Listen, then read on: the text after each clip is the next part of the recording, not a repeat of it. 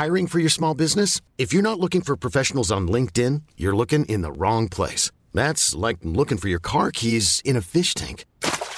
LinkedIn helps you hire professionals you can't find anywhere else, even those who aren't actively searching for a new job but might be open to the perfect role. In a given month, over 70% of LinkedIn users don't even visit other leading job sites. So start looking in the right place. With LinkedIn, you can hire professionals like a professional. Post your free job on linkedin.com slash achieve today. Hey, it's Ryan Reynolds, and I'm here with Keith, co-star of my upcoming film, If, only in theaters May 17th. Do you want to tell people the big news? All right, I'll do it. Sign up now and you'll get unlimited for $15 a month and six months of Paramount Plus Essential Plan on us. Mintmobile.com slash switch. Upfront payment of $45 equivalent to $15 per month. Unlimited over 40 gigabytes per month. Face lower speeds. Videos at 480p. Active Mint customers by 531.24 get six months of Paramount Plus Essential Plan. Auto renews after six months. Offer ends May 31st, 2024. Separate Paramount Plus registration required. Terms and conditions apply if rated PG.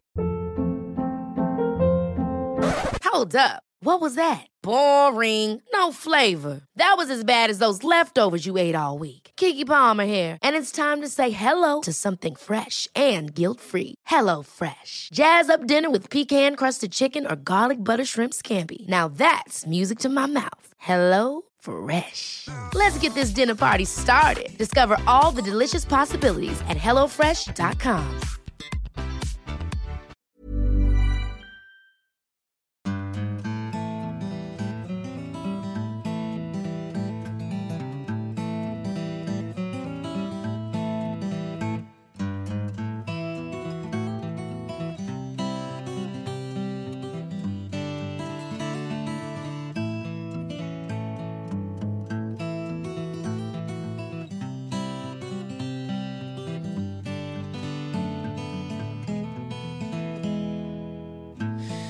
Hjertelig velkommen til en ny episode av din favorittpodkast, Hall og knall-podden. Ja, hjertelig velkommen. Og nå skulle jeg kanskje ha sagt hjertelig velkommen til deg òg, Kristine.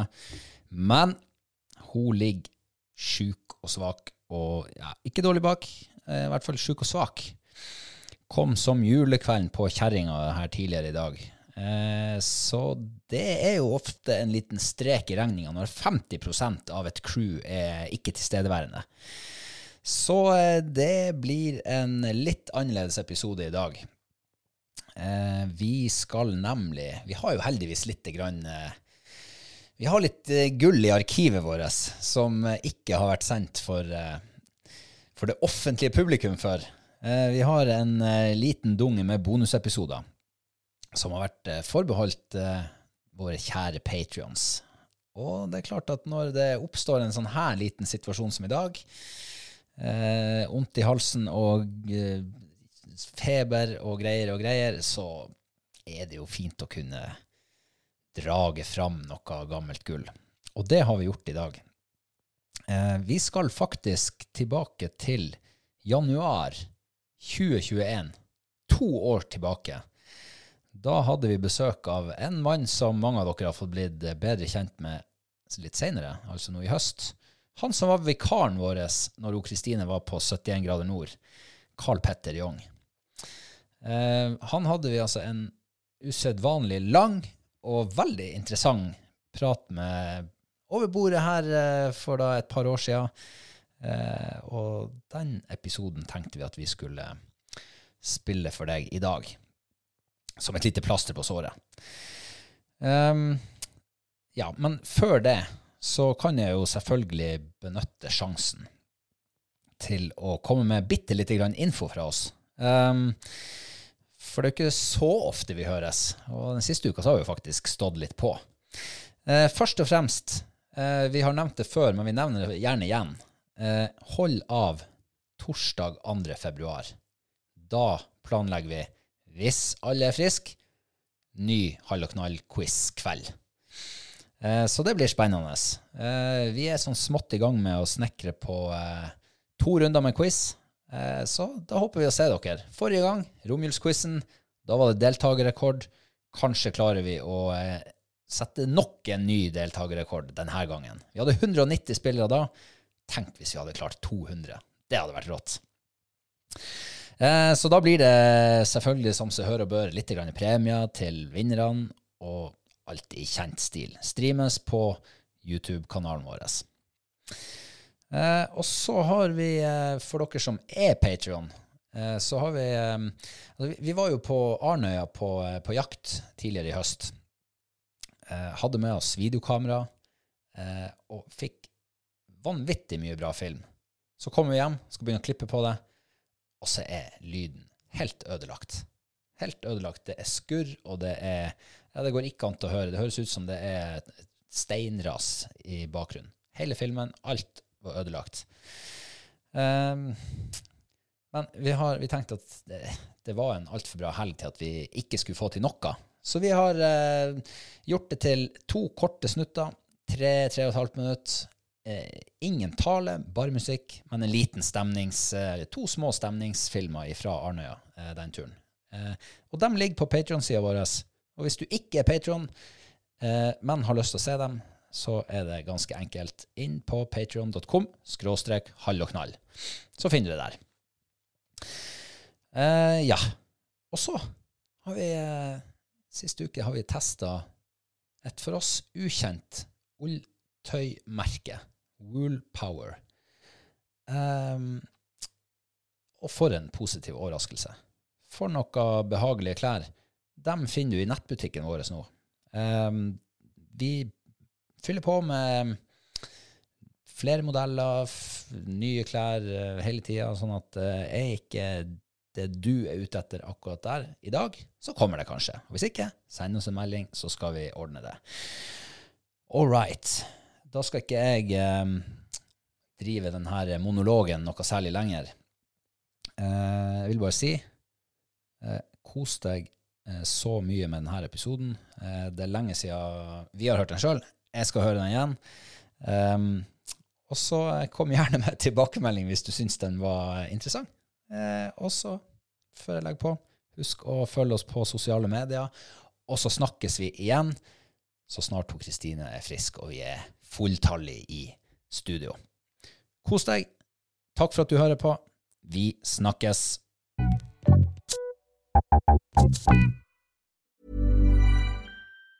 Hey, it's Ryan Reynolds, and I'm here with Keith, co star of my upcoming film, If, only in theaters, May 17th. Do you want to tell people the big news? All right, I'll do it. Sign up now and you'll get unlimited for $15 a month in six months of Paramount Plus Essential Plan on us. Mintmobile.com slash switch. Upfront payment of $45 equivalent to $15 per month. Unlimited over 40 gigabytes per month. Face lower speeds. Videos at 480p. Active Mint customers by 531.24 get six months of Paramount Plus Essential Plan. Auto renews after six months. Offer ends May 31st, 2024. Separate Paramount Plus registration required. Terms and conditions apply if rated PG. Many of us have those stubborn pounds that seem impossible to lose, no matter how good we eat or how hard we work out. My solution is PlushCare. PlushCare is a leading telehealth provider with doctors who are there for you day and night to partner with you in your weight loss journey. They can prescribe FDA-approved weight loss medications like Wagovi and Zepbound for those who qualify. Plus, they accept most insurance plans. To get started, visit plushcare.com slash weight loss. That's plushcare.com slash weight loss.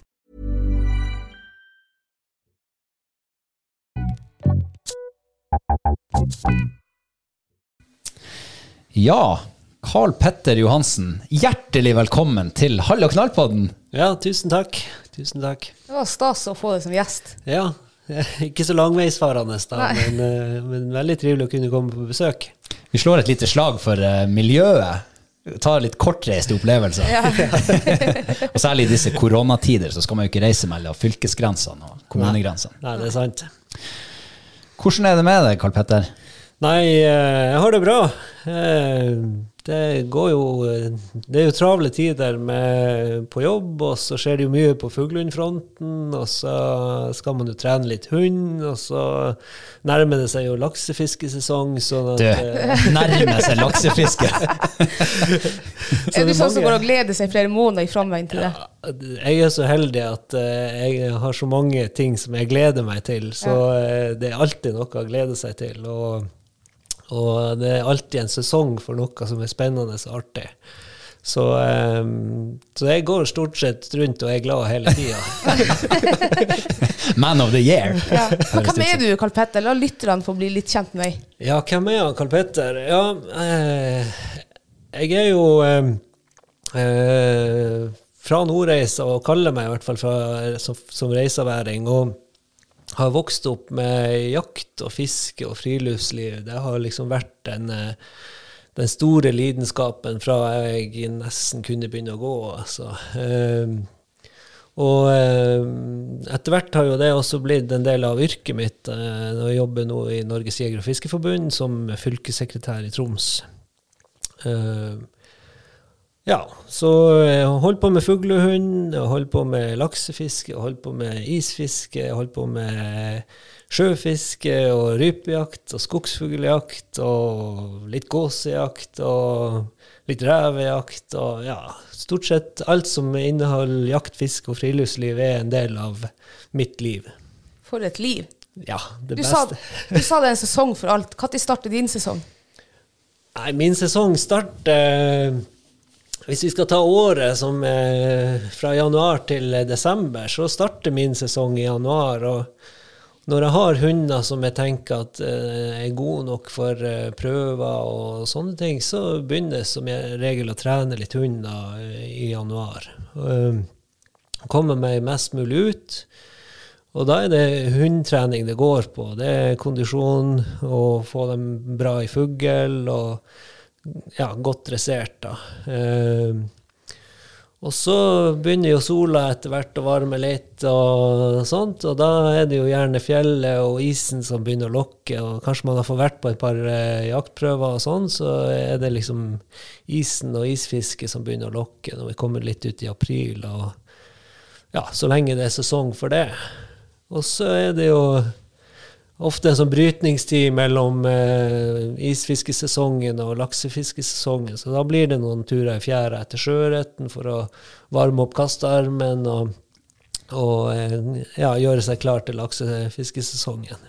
Ja, men er det laksefiske Er laksefiske større enn sjøørret for din del? Ja, det, er altså, det er jo som eh, som rypejakt og skogsfugl. Det er to forskjellige ting. Altså. Alt har sin sjarm. Alt har sin sjarm, men det, det er noen sesonger som er bedre enn andre. Det er det.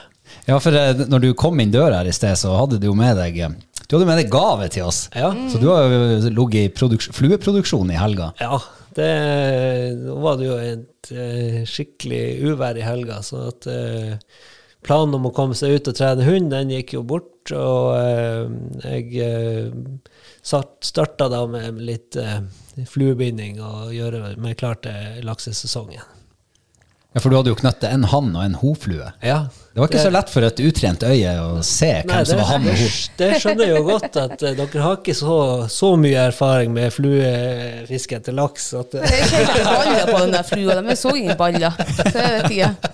Jeg så etter en liten tut, jeg. Jeg så ikke noe tut heller. Nei da, det er jo eh, Det var jo egentlig for å være litt artig, da. For å se om dere hadde eh, øye for hva som var materialer i den flua. Da. Derfor jeg kalte det for en hann og en hoflue. De, ellers var jo kroppen ganske lik. Ja. og, og eh, men eh, på overvingen så hadde jeg altså brukt eh, tiurfjær på hannflua og røyfjær på, på hoflua. Og da hadde ikke jeg sjans å se. Eller lagt merke til det. Den- er dyp, den der. Ja. Det, det, det varmer et eh, Jeg kan jo ikke si et ordentlig laksefiskehjerte, men et fluebindehjerte. Ja. Men det er sant som du sier. Laksefiske med flue for min del, da kjøper jeg flue. Jeg får ikke til å knyte lakseflue. Ikke heller. Eh, leverer du kurs i lakseflueknyting? Ja, vi kan få til all slags kurs, vet du. Ja, Jeg er henger vel på den der, jeg. Ja. Ja. Ja, eh, og så var vi over for ja, var sjøørretsesongen var over. Ja, sjøørret har vi kanskje vært og kasta litt i sjøen og Fått banka rusta og kastearmen. ja, banka rusta kastearmen, rett og slett. Og da er det jo eh, laksen som står for tur, og da er det gjerne Finnmarka i første runde. og og Hemmeligelva, som besøkes hvert Hvor ligger denne den hemmelige elven? Den ligger jo i Finnmark.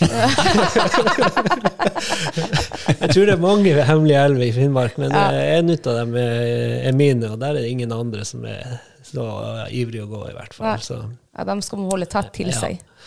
Uh, så da blir det gjerne ei uke der sammen med gode kompiser, og uh, utrolig mange artige opplevelser opp gjennom årene. Og der er de her gutta som har vært der lengst, de har jo vel eh, sikkert 30-årsjubileum snart i den samme Oi. elva. eh, Sånn at de, eh, de har virkelig stått på og, og banka noen døgn der oppe. Eh, For det er det det handler om med laksefiske. Det er bare å banke og banke og banke. tålmodighet eh, kommer du ikke utenom, for å si det sånn. Altså, du kan jo være heldig og dra en eh, laks på første tur og sånn, men eh, jeg, er, jeg er ganske standhaftig, og som regel så vinner jeg eh, sammenhengende laksefiskekonkurransen vår ganske, ganske fort. Jeg har hørt uh, gjetord om de turene deres der oppe. Ja. For vi har jo en felles uh, kompis, Kristine, som bruker å være med han der Ja. ute. Og uh, han ble bitt av basillen for noen få år siden, og er blitt fast inventar. Han har blitt fast inventar, og vi har hatt mange trivelige stunder med han der oppe. Ja, for alle lytterne så er det jo min gode mentor, han Daniel. Ja. Det er jo han vi snakker om. Ja. Men han taper faktisk òg eh, fiske i strekk-konkurransen. Det gjør, jeg, gjør han glatt, altså. Jeg hadde i, ikke i fjor, men året før, så hadde jeg altså 36 timer sammenhengende fiske uten søvn. Uten laks. steike været. ja, da er du standhaftig. Ja. da er det ikke rart at laksen biter. Så, og det endte jo med litt artig hendelse, da. Skulle, alle guttene var gått og lagt seg, og, og eh, jeg eh, skulle, hadde jo fiska da 36 timer i strekk. Opp og ned etter elva og ikke vært borti fisk og ikke sett fisk omtrent. Og, og så skulle jeg bare ta en uh, siste runde før jeg krøp i teltet. Og, eh, og da er det rett på nedsida der vi har campen vår. Da, og hadde båret opp sekken opp på land, og så gikk jeg, stilte meg øverst i hølen der og begynte å gå. Og der er noen sånne skrå steiner, ganske glatte steiner eh, akkurat i den hølen der. da. Og eh, trøtt som fy etter å ha fiska i 36 timer i strekk der, så skal jeg hoppe fra den ene steinen til den andre steinen. og og idet jeg lander på den andre steinen, så snurrer jeg rundt og ut i elva på rygg og dupper jo flere meter eh, nedover i strømmen der, før jeg får klare å få beina under meg med oppblåst vadebukse og, og alt. Og så eh, klarer jeg å karre meg til land der, og våt som en sjure, ikke sant, fra topp til tå. Men standhaftig som jeg er, så går jeg tilbake til den steinen jeg datt ifra, og fisker hele strekket ned før jeg gir meg. Men jeg fikk ikke noe laks på det. den. Men eh, eh, det er ikke bare Finnmark som er laksefiske-eldoradoet ditt, er det det? Nei da, jeg har fiska mye i, eh, i reiser, og fiska også en del i Målselva og Divielva. Så ja. Sånn, eh, og naturmessig så er det jo ingenting som slår Reisa og Mm. Det er jo den vakreste lakseelva i verden, det det er jeg ganske sikker på. Ja, jeg kan være med og støtte den. Ja, jeg også.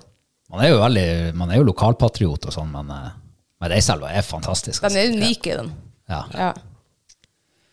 Men laksesesongen varer jo ikke evig. Nei, den gjør jo ikke det. Og så er den jo uheldigvis i kollisjon med en annen sesong. Men Siden vi, får jeg bare avbryte litt her? Ja. For jeg syns vi hoppa veldig fort over den isfisketida. Ja. Du bare nevnte det, og nå er jo isfiskesesongen. Den starter jo straks. Ja. Nei, det, det, er, det er utrolig masse store naturopplevelser. Så det, det, det å ligge på isen og kikke i holdet og ligge på barrabben og nyte vårsola og bare egentlig bare eksistere. Og så, Jeg bruker å si det hver gang jeg er på isfisketur og man opplever sånne perfekte dager når sola skinner, det er helt vindstille. Og så bruker, Hvis jeg har folk med meg, da, og ungene er jo gjerne med på de turene, og sånt, og, så, så bruker jeg å si til dem prøv å lytte, prøv å høre. Hva hører dere nå? Hva er det dere hører? Og det er helt stille. Stillhet. Lytt til stillheten. Det er den beste lyden jeg kan ha. Ja. Sånn at uh, det, er, det, det er ikke nødvendigvis isfiske i seg sjøl, altså det å få den største røya eller den største um, fisken i seg sjøl, men, men det å kunne være i naturen når naturen sjøl begynner å våkne etter en lang vinterdvale, der bekkene sildrer, og fuglene kvitrer, og rypa begynner å kakle på barrabben. og og rett og slett bare være til stede. Så, og da er det gjerne turen. ikke sant? Du går på ski langt inn på fjellet, og bærer tunge sekker, trekker tunge pulker og bare er på tur. Og om jeg får én fisk eller om jeg får syv fisker, det spiller som regel ikke noen stor rolle. Det er jo ikke noe vi lever av eh, sånn sett, men, men, men den turopplevelsen er det lite som kan måle seg med. Altså. Men Hvordan motiverer du eh, ungene dine til å være liksom på For jeg ser jo, de er jo turvant sikkert eh, mer enn halvparten av Norges befolkning. De har jo vært med på rypejakt og isfiske og overalt. Ja, de har vært med fra de var bitte små. Hun eh, yngste mi var så heldig å få tre måneder pappaperm når eh, hun var under et år gammel. Og så vi hadde utrolig mange fine turer. Hun hadde vel eh, Ja, på en måned så hadde hun vel 28 pulkturer, så det er jo nesten hver dag. uh, og vi skifta bleie i ti minusgrader og snøfokk, og vi uh, ga henne melke fra flaske. Og, sånn at eh, når, sier, når jeg sier at nå skal vi dra på tur, så er hun ikke tung med å be den dag i dag, altså. Gud, hvor artig. Ja, det er veldig gøy. Ja. Og sammen med søstera, som er to år eldre, hun er også veldig ivrig og drar på tur. Og, og det er kanskje spesielt de her isfisketurene som virkelig er, er deres store turmål. Og det er noe de begynner å glede seg i desember. Da begynner de å glede seg til våren og når vi skal dra på isfiske. Og, ja. Så det, det, er, det er artig, og det, jeg syns det er veldig gøy å kunne ha vært med og gi dem den gleden i livet som og, og gi dem litt ut av det som betyr noe fra meg. Absolutt. Ja, men det må jo være fantastisk å, å faktisk kunne ta med ungene på det. På altså, naturopplevelser. Ja. Altså, ikke bare det at eh, å gi dem noe som man sjøl brenner for, men at de faktisk liker det. Ja. At de setter pris på de samme tingene. Ja. Den stillheten som du beskriver, det er jo, det er jo noe eget, den lyden av naturen, som egentlig det er stille. Ja. Nei, det var jo Altså, jeg er jo sta og standhaftig, og første turen jeg hadde med dem med opp på fjellvannene, som dere også har vært noen turer på, så dere vet jo at det er bratt opp fra dalen, og dere vet at det er et stykke å gå før man liksom er kommet inn dit man ønsker å være. Og første turen jeg hadde dem alene, da hadde jeg altså tre, tre, tre pulker, en med utstyr og en unge i hver sin pulk. Og, eh, og tre fuglehunder som trekte da hver sin pulk, og så en svær, helsikes tung sekk sjøl. Og da skulle vi være fire dager på tur eh, alene. Og den turen tar nå vanligvis en sånn tre-fire timer liksom eh, inn dit. Og, og etter en time så har jeg kommet 300 meter. Oi, oi, oi. Og da ligger jo ungene i hver sin pulk og er drittlei allerede. Og hvordan i all verden skal vi komme oss frem, da? Og råtten snø, og hundene satte seg fast, og pulkene satte seg fast. da. Men eh, vi kjempa nå på videre der, og, og til slutt så kom jeg opp på fjellet, og der ble føret litt bedre og litt bedre forhold, og sola varma skikkelig, og da lå de bare som, som skikkelig solkonger på hver sin pulk og bare solte seg og hadde det som konge. Og etter det så har de faktisk vært på det samme vannet og samme turen hvert eneste år. Altså, og da var de to og fire år gamle første gang de var der oppe. Ja. Så 13, 13 år har de eh, vært der oppe. Ja, det er fantastisk. Ja, det er helt rått. Men, eh, men du, du nevnte her at eh, det er ikke så viktig å få den fisken, for vi overlever uten. Mener du det? Ja, jeg, jeg syns jo det er artig når ungene får storfisk, og de er jævlig gode å få storfisk. Det, det syns jeg absolutt. Eh, Jeg er ikke så god å få store røye. Jeg eh, et eller annet med røyehallen som ikke, ikke er så godt som det burde være. Men, eh, men jeg har jo tydeligvis lært dem noe, fordi at eh, de er veldig gode å få storfisk. Så, så da får jeg jo gjerne en røyemiddag med meg hjem, jeg også. Ja, du får smake. Jeg får smaken, ja.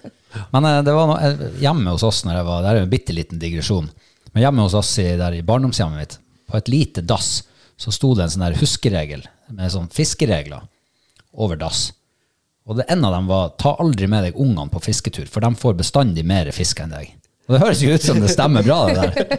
ja, i hvert fall når det gjelder isfiske, så er det ikke en sannhet der, altså. Det, de er et eller annet med måten de holder pilkestikker på, eller eh, napp i den, som gjør at de ofte lurer den store fisken. Altså.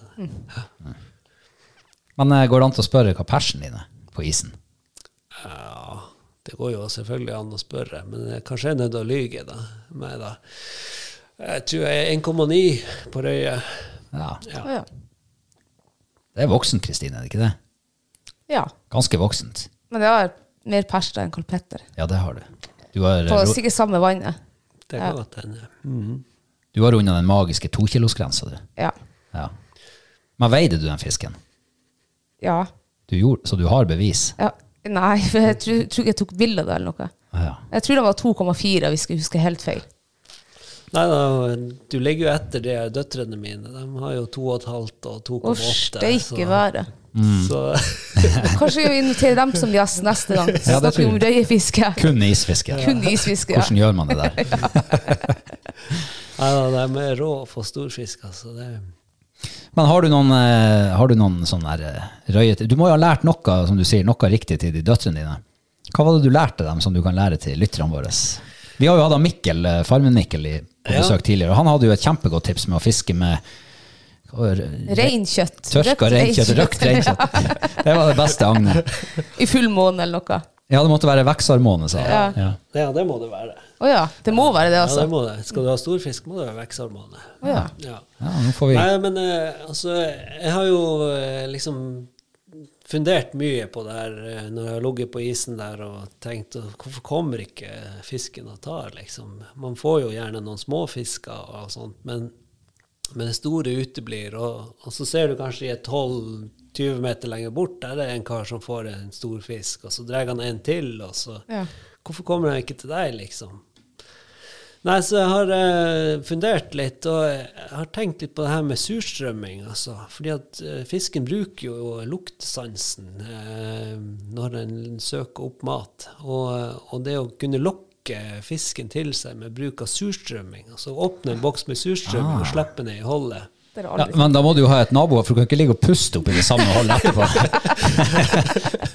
Hun Kristine åpna en boks med surstrømming ut på trappa her i høst. og altså, Det var jo ikke gående. Vi måtte gå, eh, gå kjellerdøra ut i 14 dager etterpå. Jeg måtte dusje med 14 ganger for å få det der lukta bort. Ja.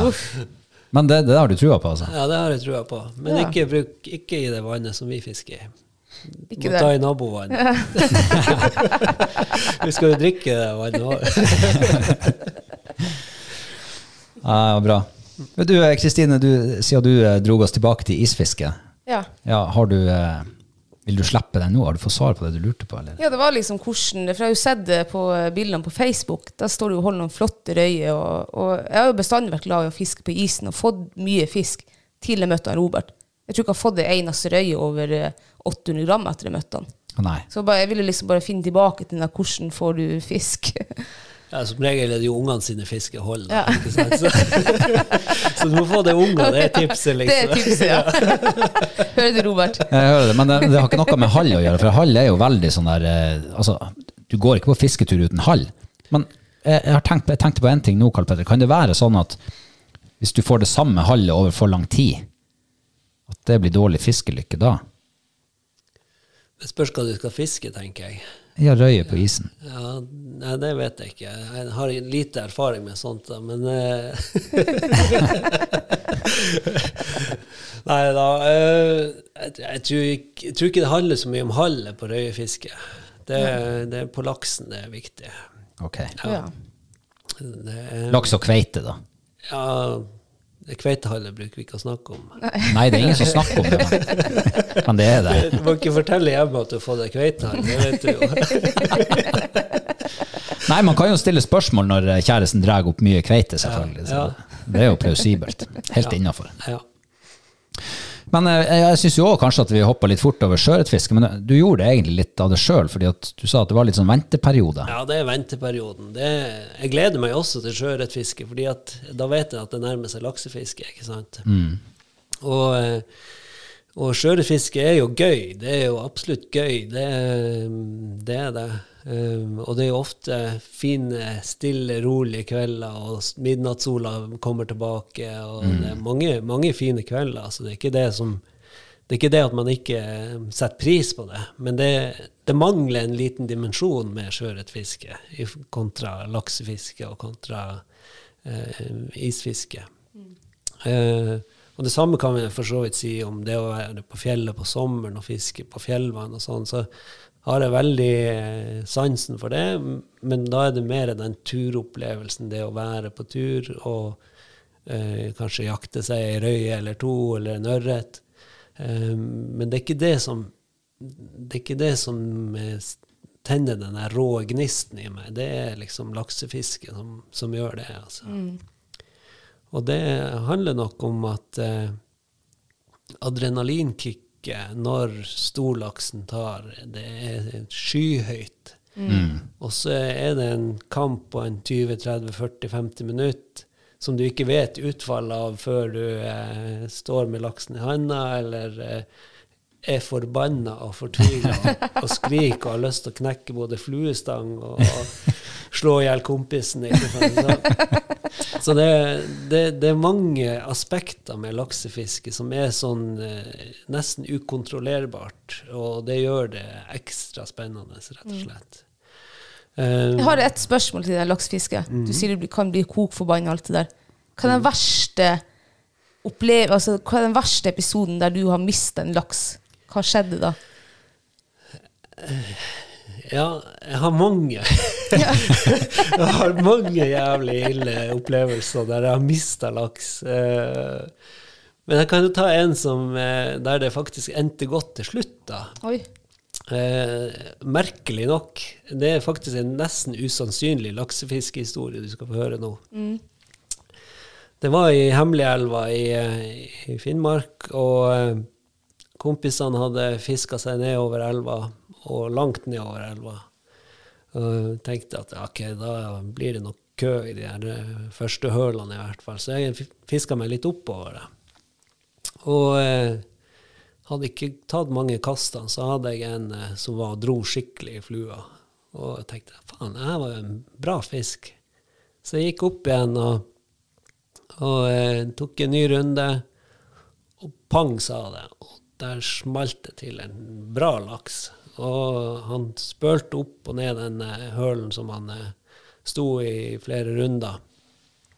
Og eh, det var ganske mye vann i elva, og den elva, hun, litt på nedsida av den hølen, så deler hun seg i to, så du får to løp ut da. Og um, plutselig så bestemte han seg for å gå ned, og dundra ned på motsatt side av eh, der jeg sto da. Og jeg hadde ikke sjanse å holde han igjen, han bare freste nedover. Så blir det en sånn liten høl eh, midt i der, der elva har delt seg. Så fluesnøret mitt lå jo i steinene på der elva hadde delt seg, og jeg sto på land på motsatt side av eh, der laksen var. Det var feil løp han gikk ned. Feil løp, rett og slett, ja. Og jeg måtte jo over på, på, på den holmen som da var der, for å få løs fluesnøret som hadde surra seg rundt noen steiner der. Og det var jo med livet som innsats at jeg kom meg ut på den holmen, og får løsna fluesnøret, og laksen fortsetter nedover. Men da må jeg tilbake igjen til, til der jeg kom ifra. Så da var det på nytt igjen med livet som innsats å komme seg over eh, elva, og med vann nesten opp til halsen. Altså. og, eh, og eh, komme meg til slutt over, og laksen er en eh, 150 meter lenger ned i neste høl. Og, og jeg, jeg jobber meg nå sakte og sikkert nedover mot den. og der er en ganske stor og fin høl han har kommet ned i, og får temma han der. Og etter hvert så, så eh, får han inn, eh, inn, inn imot meg, og så setter kleppen gjennom eh, hodet på han og løfter han opp og bare jubler. Yes! Årets første storlaks! Yes, yes, yes! og så er det en bratt kant som går opp fra elva der, så jeg bærer laksen i kleppen da, over fluestanga i andre handa. og og eh, akkurat jeg kommer opp på kanten der, så klarer han å riste seg løs av kleppen. Og så eh, detter han i bakken, i grusen, og fluesnøret ryker. Og laksen triller sånn rolig ned mot eh, elva igjen. Og så tenkte jeg OK, han, legger, han ligger der. Så jeg legger fra meg kleppen og fluestanga, og så går jeg ned. Og så setter jeg handa under gjellene på han og skal løfte han opp, løfte han opp på nytt. Yes, yes, yes! Og juble på nytt. Og så klarer han pinadø å gjøre et sånn krumspring at han river jeg river gjellene ut av han og laksen ut i elva og svømmer av gårde. og borte var han. Og jeg leita i timevis etter den laksen. Selvfølgelig, Han skjønte jo at han kom til å dø. Hadde, jeg hadde jo gjeldene i handa ennå. jeg leita i timevis ikke fant den. Djupt var det i den hølen der, og eh, opp og ned, opp, nedover, og prøvde liksom å se om, jeg, om han fløt opp eller drev med strømmen videre nedover. Nei, borte var han. Og eh, jeg var lynforbanna, selvfølgelig. Jeg hadde jo berga han to ganger, samme laksen. Og eh, så gikk jeg opp igjen der jeg starta å fiske, og var ikke lenge etterpå så bærte jeg en ny laks. Jeg tenkte først faen, kanskje det er samme laksen, liksom. Men jeg merka jo fort at det var en mindre laks. Da Men eh, da fikk jeg meg en sånn femkilos laks der. Og så eh, var jeg nå egentlig fornøyd da da klokka var syv-åtte om morgenen. Så, så var jeg fornøyd med fangsten, men jævla fortvilt over den laksen som jeg hadde mista. Så jeg eh, gikk tilbake og litt lenger ned eh, over elva og vada over. Og så skulle jeg opp igjen til, til der vi hadde leirplassen vår. Så det er ikke så langt unna der som jeg eh, mista den der eh, store laksen. der. Så når jeg kom over på andre sida, så kom morgensola og begynte å skinne i elva. da. Og da klatra jeg opp i den høyeste buska jeg fant der. Og så sto jeg og speida med polaroidbrillene. Og, og pinadø så ser jeg laksen eh, ligge på bunnen i elva. Nei. Og, eh, og da kom de her kompisene mine eh, opp igjen, fra de hadde vært lenger ned og fiska og ikke fått laks. da, Så sier jeg til dem at eh, ser dere den laksen som ligger der i elva? Den har jeg mista, liksom. Så jeg fikk en til å klatre opp i den buska som jeg sto i, og så var jeg tilbake igjen og over på den sida som jeg hadde fått mista den fra. da, Og uh, bitta kleppen fast i ei kjempelang raie. Og så fikk jeg han til å styre, han kompisen til å styre meg. Så til slutt så fikk jeg huka tak i denne her laksen og dratt den til land. Så det var en laks på ti kilo som jeg da berga til slutt. Helt utrolig. Ja, det var en, eh, det var en usannsynlig historie, og utrolig at jeg berga den laksen Ja. i det hele tatt. Da. Men eh, det var en veldig, veldig artig opplevelse. Og det, det er litt som jeg sier, at, at laksefiske det er så uforutsigbart. Det er så, så utrolig mye som kan skje. Uh, og spesielt med større fisk, så er det liksom Alt mulig kan skje. Men de sier at alle gode ting er tre. Ja. Ja, det er det. Av og til så er det godt å ha et tre i nærheten.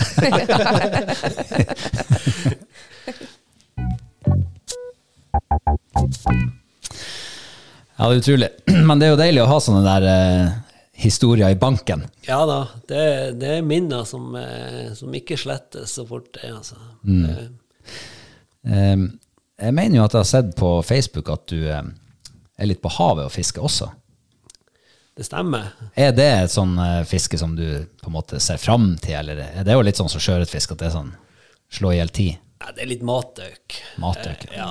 Det, det, det er liksom laksefiske og isfiske og sjøørretfiske. Det er jo ikke matøk. Eh, Det er jo en hobby og en sport og en, en artige naturopplevelser. På sjøen så handler det mer om å skaffe litt fisk til vinteren og kunne Jeg er jo glad i å lage mat, og lage mye fiskemat, både, både av eh, edelfisk og også hvitfisk. da. Og da, da må man ut.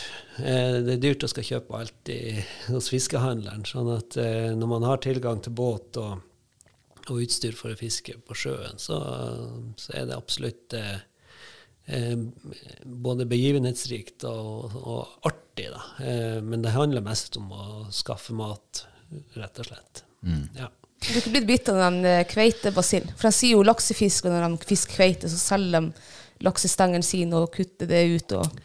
Jeg hører dem, hører dem sier det, og jeg har fått noen kveiter også. og Du kjenner ikke igjen? jo- eh, Kjenner jo at det er artig og spennende, så du, du er ganske nært eh, den der eh, storlaksopplevelsen. Men, men det er noe annet med, allikevel med, med kveita. Det er liksom um, Det er tungt. Det er mer tungt enn det er rått, liksom. Det, det, det er tunge krefter som jobber jevnt og trutt og jevnt og trutt og jevnt og trutt, mens på laksen så er det plutselige galskap eh, som bare av og til bare gjør akkurat hva den sjøl vil, uten at du har sjanse å kontrollere det i det hele tatt. Da. Så det, den, det er ganske nært, men ikke helt der eh, samme som vi får på laksen. Men det er absolutt, eh, absolutt et godt alternativ til, til en, eh, et adrenalinkick. Ja. Skal vi bevege oss videre i, i sesongen? Ja, for nå starter jo jakta. Ja. Gjør den ikke det? Ja, Ja. den gjør jo det. Ja. Øh, jeg jakter jo litt gås, øh, sånn dann og vann. Og det øh, Det er litt sånn fordi at jeg syns det er spennende jakt. Jeg, jeg, jeg bruker posteringsjakt på trekkende fugl der de er på tur inn i, til beiteområdet. Og har mest erfaring med det, og har lyktes bra med den type jakt også.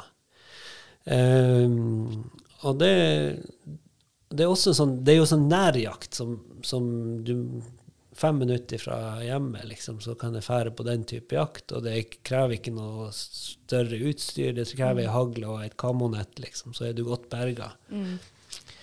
Eh, fin jakt å ta med ungene på, eh, også når de er veldig små. Og så trenger du ikke å være borte i timevis. Det er nok om du er der en, en time eller to, så får du med deg hovedtrekket, liksom, og så har du hatt noen sjanser, kanskje, hvis du er heldig.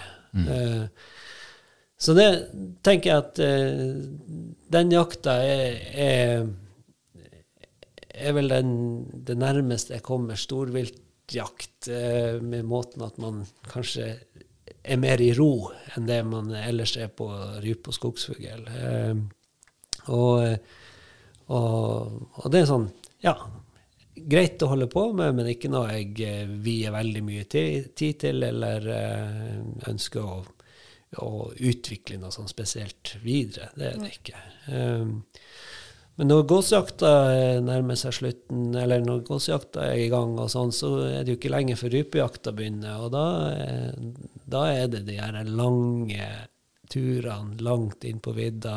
Eh, gjerne, gjerne en uke hvis man får det til. Gjerne mer hvis man får det til. Eh, og, og, og da handler det mye om kameratskap, eh, være med de samme folkene hvert år.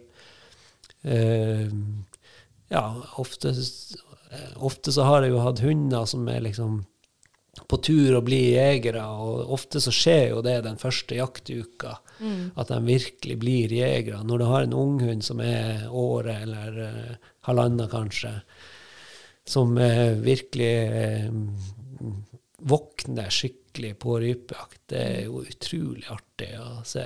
Også, og ikke minst gamle hunder når de eh, begynner å bli godt erfaren, og det er vanskelige forhold, og så ser du at de behersker absolutt alt. Altså, de klarer å plukke kyllingene ut fra kullet omtrent, og, og nesten ikke misbruke en sjanse på en dag. Så da, er- det er utrolig store opplevelser som, eh, som jeg tar med meg i, i, eh, når det blir mørkere og, og eh, ja, litt kortere dager, rett og slett.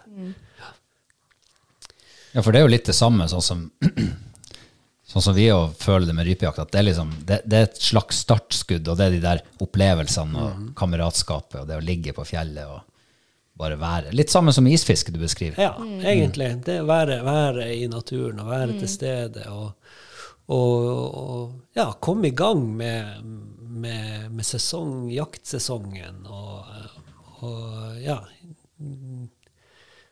Og ikke minst det der med å se de her hundene som virkelig begynner å, å ta form, det syns jeg er utrolig artig.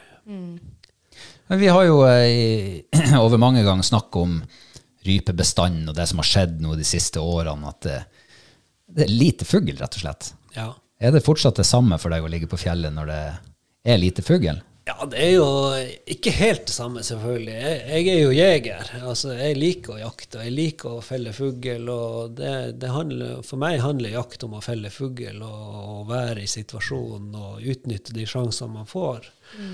Eh, sånn har det alltid vært. Jeg har vært eh, utrolig mange eh, jaktturer liksom, som opp gjennom tida, og det, det handler jo om å lykkes i den, eh, det oppdraget du har, da, eller den eh, situasjonen du er i.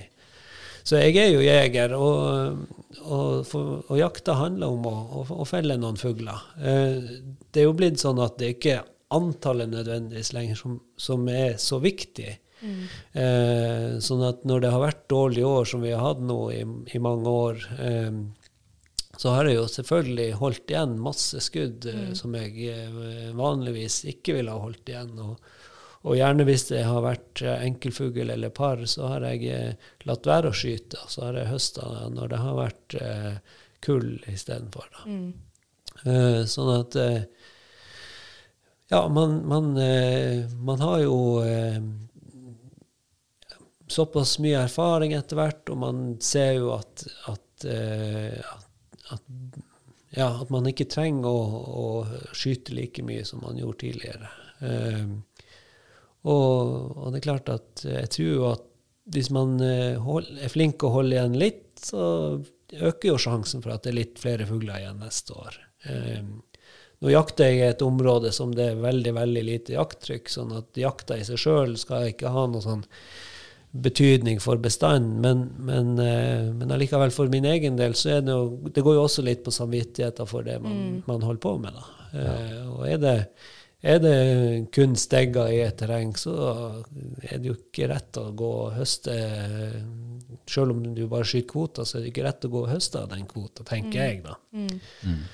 Så jeg prøver å moderere meg og prøver å høste når det er kull, og så prøve å la voksenfuglen leve. leve. Og så trene litt mer hund istedenfor. Selv om jeg ikke er sånn kjempeivrig prøvemann, og spesielt ikke på høsten, så, så er det jo greit å ha sånn noenlunde dresserte hunder gjennom hele sesongen. Da.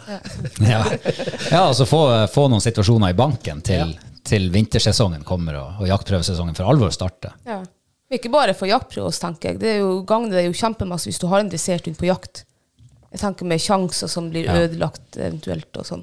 Ja, ja da, jeg er, jeg er til dels enig. Altså. Jeg, jeg liker jo litt rå hunder som er tørre å utfordre og tørre å presse. Og, og, men det handler litt om den skogsfugljakta som jeg bedriver, som er som er, som er jakta over alle jakter, rett og slett. Det er det råeste jeg kan være med på når det gjelder jakt. Det, det og laksefiske er de her to store lidenskapene som jeg ikke kan eh, komme utenom, altså. Og eh, kanskje skogsfugljakta. Hvis, hvis jeg noen gang måtte velge, så har jeg nok valgt eh, skogsfugljakta. For det er Overfor laks, liksom. overfor laks. Ja. Det hadde jeg òg gjort. Ja, jeg også. Og, det, og det handler rett og slett om eh, det, er, det er så rått. Ja. Det er så rått, rett og slett. Ja, det er noe helt annet å gå opp i en ti, altså der du vet at det, sannsynligheten er stor for at det er en tiur enn en rype. Er- Ja, er, Får du sånn skjelven, da? Ja, jeg får ikke skjelven når jeg går opp i situasjonen, men Nei. jeg får skjelven hver eneste gang jeg lykkes med å felle en tiur. Ja. Så kommer den store skjelven, og da er det sånn eh, as, aspelaugfingre. Og eh, hunden, han, uansett hvor dårlig hund har, så er han verdens beste hund Ja. akkurat da. Fordi at han har klart å, eller hun har klart å skaffe denne tiuren til veie og eh, gjort eh, at jeg har kunnet felt den. Altså. Så, så mye ut av den, eh, den eh, Det som skjer på rypejakt, handler om å spisse hundene faktisk litt til det som skjer senere på høsten med skogsfugljakt. Nå er jeg ikke en sånn tidlig skogsfugljeger i august-september. Jeg drøyer gjerne til eh, oktober da kullene har spredd seg utover. Og eh, du får litt flere sjanser. Fuglen er litt varere enn den er i eh, august-september. Og da handler det om å være indianer eh, ganger ti for å komme i en uh, brukbar skuddposisjon. Og, eh, og ikke minst ha hunder som er tøffe nok til å følge på tiur når han springer, og ikke minst reise på avstand. da. Så det, alt som heter ro i oppflukt, eh, er glemt når vi kommer til, eh, til eh, storfugljakt. Da, da handler det for meg om å komme meg i posisjon.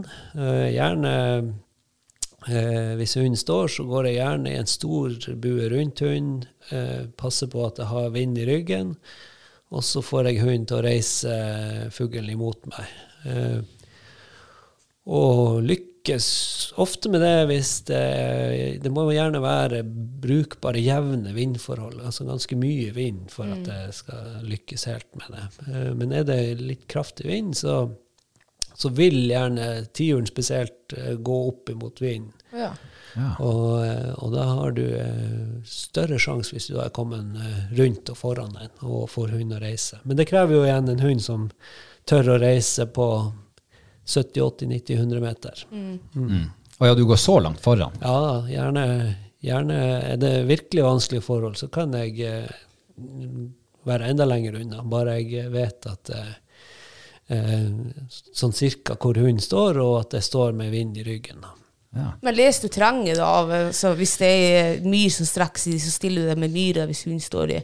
Ja, Ja, så bruk veldig, veldig, jeg bruker jo nå, eh, etter hvert så har man jo begynt med GPS og, Mm. og sånt, og da er man jo veldig aktiv på eh, å bruke GPS-en GPS Mm. aktivt, eh, både for å, til å planlegge ruta hvor man Mm. skal gå, men også hvis hunden står, så ok, der ser jeg at det går en myrkant ut der. Hvis jeg stiller meg i andre enden av den myra der, så er det muligheter for å, for å eh, ja, få en grei skuddsjanse. Mm. Så um, det er utrolig spennende. Det, Men nå snakker vi svenskejakt, ikke sant? Bare sånn for at ja, vi jakter ikke på svensker, men vi er i Sverige. Jakter. ja. Men er det, er, altså, er det Sverige du reiser til for å jakte skogsfugl? ja, Storfugl? det er mye, mye er det det. Eh, Vi har jo områder i Troms som har litt storfugl, og har for så vidt til dels bra bestander av storfugl. Men, eh, men, eh, og jeg bruker dem også, eh, men det er gjerne enda litt senere på høsten, når vi kommer i oktober, november, desember. desember. Som, de er jo, ligger, ligger jo litt nærmere og litt mer lett tilgjengelig sånn sett. da. Men siden du nevnte det med, med bytte ut laksefiske med Altså dilemmaet. Mhm. Laksefiske eller storfugljakt. Er det da storfugljakt i Sverige som er Ja, diamanten ja, helt, ja, helt klart. Altså, hvis det, det, det, er jo eh, Det er jo et mekka. Eh, utallige tusen mål med, med fantastisk flott storfuglterreng og lite jegere. Eh, og, eh, og spesielt når man kommer lenger ut på sesongen, så, så er det jo Antallet jegere går jo veldig ned. Har du sett bjørn før i, når du har vært i Sverige? Nei, jeg har ikke, Du har det. ikke det? Jeg har uh, vært jævlig nært noen ganger. Ja. Uh, hadde en artig opplevelse for eh, ja, 10-12 år siden. Eh, Da, da gikk jeg inn i et område eh, sammen med kompisen min, og vi jakta hver vår retning, som vi alltid gjør. Og så eh, og så kom vi til et sånt ganske tett grankjerr der, en sånn litt tettere granskog med yngre granskog, og mm. plutselig så ville ikke hun gå i det hele tatt. og bare gikk og væra i lufta og, og gikk bak meg og ville ikke ut i søket i det hele tatt. Og jeg tenkte jo ikke noe nøye over det. Vi fortsatte nå bare å komme gjennom det her kjerret som var en sånn 700-800 meter langt da. Og så åpna skogen seg litt opp igjen, og hun rett ut i søken og fortsatte å jakte videre. Og så kom vi tilbake til bilen litt senere på dagen, og da kommer det en eh, svensk lokal eh, eh, kar kjørende og spør hva i all verden vi holder på med. Nei, vi har jo vært på storfugljakt. Ja, men her, sier han. Ja, eh, det er jo lov, vi er jo lovlig jaktterreng her. Og. Ja, men dere er jo gale. Hele sommeren her så har det gått en svær eh, bjørnebamse og brumma mot alt av folk som har vært i, i nærområdet. Så da kan jeg jo bare tenke meg hvem som var i det grankjerret der hunden ikke ville røre på seg. Men, det, men du tenkte ikke tanken da? Nei, jeg tenkte ikke tanken da. Ehm, I ettertid så, så hadde jeg en, også en Det var også en sånn der eh, hvit på knokene-opplevelse. Det det var i et annet terreng, og vi hadde Jeg og kompisen vi hadde delt oss, og jeg skulle opp på en sånn vara og jakta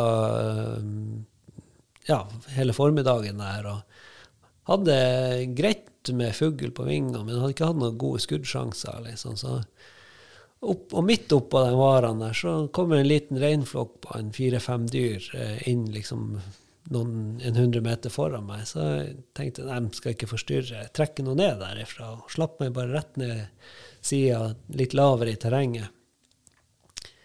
Og går rundt denne varen og kommer tilbake imot eh, på motsatt side der jeg liksom møtte på den reinflokken. Og så begynner jeg å høre bjørn brøle. da. Oi. Han, og så, sånn skikkelig dypt at du liksom du kjenner gåsehuden på ryggen bare reise seg. Og jeg anslår at det her er en sånn her eh, 200 meter unna meg. da. Og, eh, og hun er i søk der og bryr seg ikke om noe om den brølinga. Og eh, han kompisen min vi bruker jaktradio med og vi har kontakt på jaktradio. Jeg prøver å rope han opp flere ganger på jaktradioen, jeg får ikke svar. Og Bjørn bare brøler og brøler. Så tenkte jeg først at det må være reinen han har slått. At det er, den, eh, at det, er det han vokter. Han merker at jeg begynner å nærme meg, og så begynner han å brøle fordi at han eh, ja, hører meg, lukter meg. da. Men så begynte jeg å tenke på han jævla kompisen min også. han svarte jo faen ikke på jaktradioen. Kanskje han har slått, da. Og, han, og Bjørn bare brøler. Sånn, det her gikk, pågikk i sikkert en eh, tre-fire minutter. Og så, eh, og så tar hunden min stand, og så fikk jeg felt ei orrhøne for den. Men da var det stilt. Da slutta Bjørn, å brøle. Å ja. Og så var det ikke så lenge etterpå, så kom jo jaktkompisen inn på, på radioen også. Da. det var en liten lettelse som, eh, som eh, Men jeg gikk jo og kjekk meg bak skuldra etter denne bjørnen eh, mange ganger. Jeg har ikke sett bjørn, men jeg har vært, hatt veldig lyst til å se den. Altså selv om eh, selv om jeg opplever ikke bjørnen som farlig. Jeg opplever jo at bjørnen trekker seg unna. Og antageligvis har jeg vært mye nærmere bjørnen enn noen gang. Eh, eh, ja, mange, mange ganger uten at jeg har vært eh, klar over det. Eh, for vi har nå gått, eh, vært og jakta i Sverige i jeg tror det var 16. året på rad nå i høst. Så Ja. Men, men eh, har du slugs i lomma? nei. Du har ikke det, nei? Det har jeg. Jeg tør ikke å gå uten slugs. Jeg tror jeg ladda meg slags en gang, faktisk. Ja, det gjorde du. Ja, For da hadde vi samme opplevelse med hund ute i sånn tett kratt. Bare snudde på 20 meter. Ville ikke ut, nekta. Ja, til slutt så hun kom jo bak oss. Hun, Hun kom stupende ut fra det krattet der. Og da trodde, vi trodde jo bjørnen kom etter. Ja, ja det, da, da var jeg nervøs. Og da var det jo, eh, Vi fant jo var det bjørneskitt og sånne mm. ødelagte maurtuer. Så det var jo spor etter bjørn der. Men eh, nei, det, jeg, jeg anser bjørn som livsfarlig. Ja, men altså, uansett om du har slugs i lomma, vet du, så, så når du ikke å bytte til, fra, fra femmer til slugs. Nei, men følelsen av at du føler deg tryggere. da. Hvis han først skal ta det, så har han gjort det lenge før du har tenkt på tanken på at du skal ta opp den slugsen. Så, så det er bare tull. Nei, jeg, jeg bruker å si til meg sjøl at det må være tålmodig nok. Når du kjenner ånden på bjørnen, så er han nært nok til at du kan skyte. Ja, med, ja. Med femmerskuddet. femmerskuddet, ja. Ja. Så, eh, så når han har reist seg opp på to og åpna kjeften, da er han eh, nært nok, liksom. Og du, du ser at ok, det neste steget hans nå er å dukke nedover etter hodet ditt, så, så kan du fyre av det første skuddet. Og, og det her visualiserer du i teltet det om kvelden. det gjør jeg hver kveld. Ja. Ja. Nei, svenskejakta er bra. ja, den er gøy. Den er det. Men du, i og med at du jakter såpass seint, vi bruker å være der på jaktstarten 25. august, så er jo, eh, da er jo vinteren står jo for tur, egentlig, når, når, eh, når du kommer tilbake derifra. Ja, ofte der òg, når vi er der, så opplever vi vinter og, og snø, og det det kan gjøre det litt tyngre å gå i skogen, men utrolig mange spennende eh, jaktsituasjoner. Men hvor du er i Sverige og jakter? Ja, i Sverige. Hvorfor sier du ikke det? Nei, men det er jo sånn at vi har uh, opparbeida etter mange år eh, både kunnskaper og eh, erfaringer som, eh, som vi har lyst til å holde litt for oss sjøl. Mm. både fordi at, at man ikke ønsker så mange jegere der. Jeg unner alle jakt, det er ikke det. Men, men litt ut av opplevelsen handler jo om å å tilegne seg den kunnskapen sjøl og mm. utfordre og utforske nye områder. Dere har jo vært med på akkurat det samme sjøl. Altså det, det, ja, kanskje det her området så bra ut, men det var ikke så bra allikevel. Mm. Kanskje vi må tenke litt annerledes. Kanskje man må bruke, um, bruke instinktet sitt litt mer til å lete opp de gode områdene. Mm. Og jeg tror opplevelsen for hver enkelt jeger også blir større hvis man vet at OK, den her det er jeg sjøl som har funnet frem til det her området, denne jakttypen eller jaktformen, enn at du blir fortalt at mm. dit skal du gå. Akkurat rundt den furua der, der sitter alltid en stortiur. Mm. Eh, det er ikke så spennende da, hvis du vet at den sitter der. Mm. Men hvis du er på leit sjøl, og leter og bruker tida og erfaringene dine til å, å, um, å, finne frem til den, så er det mye mer spennende. Mm. Så det, opplevelsen også blir mye større. Ja. Du har gjort alt sjøl fra scratch. Ja, det, mm. det gjør det.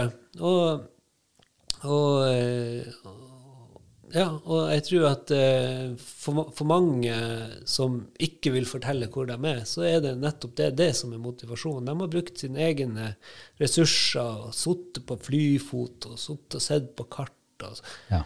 Brukt masse tid på å finne ut av OK, dette området liker jeg, her trives jeg. Så hvorfor skal jeg liksom spre ut på Facebook eller eh, sånn eh, hvor, jeg, eh, hvor, jeg, jakter? Det er ikke det er plass nok til alle. Ja, det er jo det. Det er plass nok til alle. Og det, og det er ikke alt man skal kunne google heller, syns jeg. Nei. Mm. Som du sier, Kristine, når du Det trengs noen bomturer for å virkelig føle på den der eh, få den belønninga, den karamellen, når du endelig treffer på et mm. bra område. Ja. Et område som du sier du trives i. Ja. For det er jo også viktig. Det, handler, det handler om å, å, å, trives. Altså, det er masse gode skogsfuglbiotoper. Men det er ikke sikkert at den biotopen nødvendigvis passer din måte å jakte på. Mm.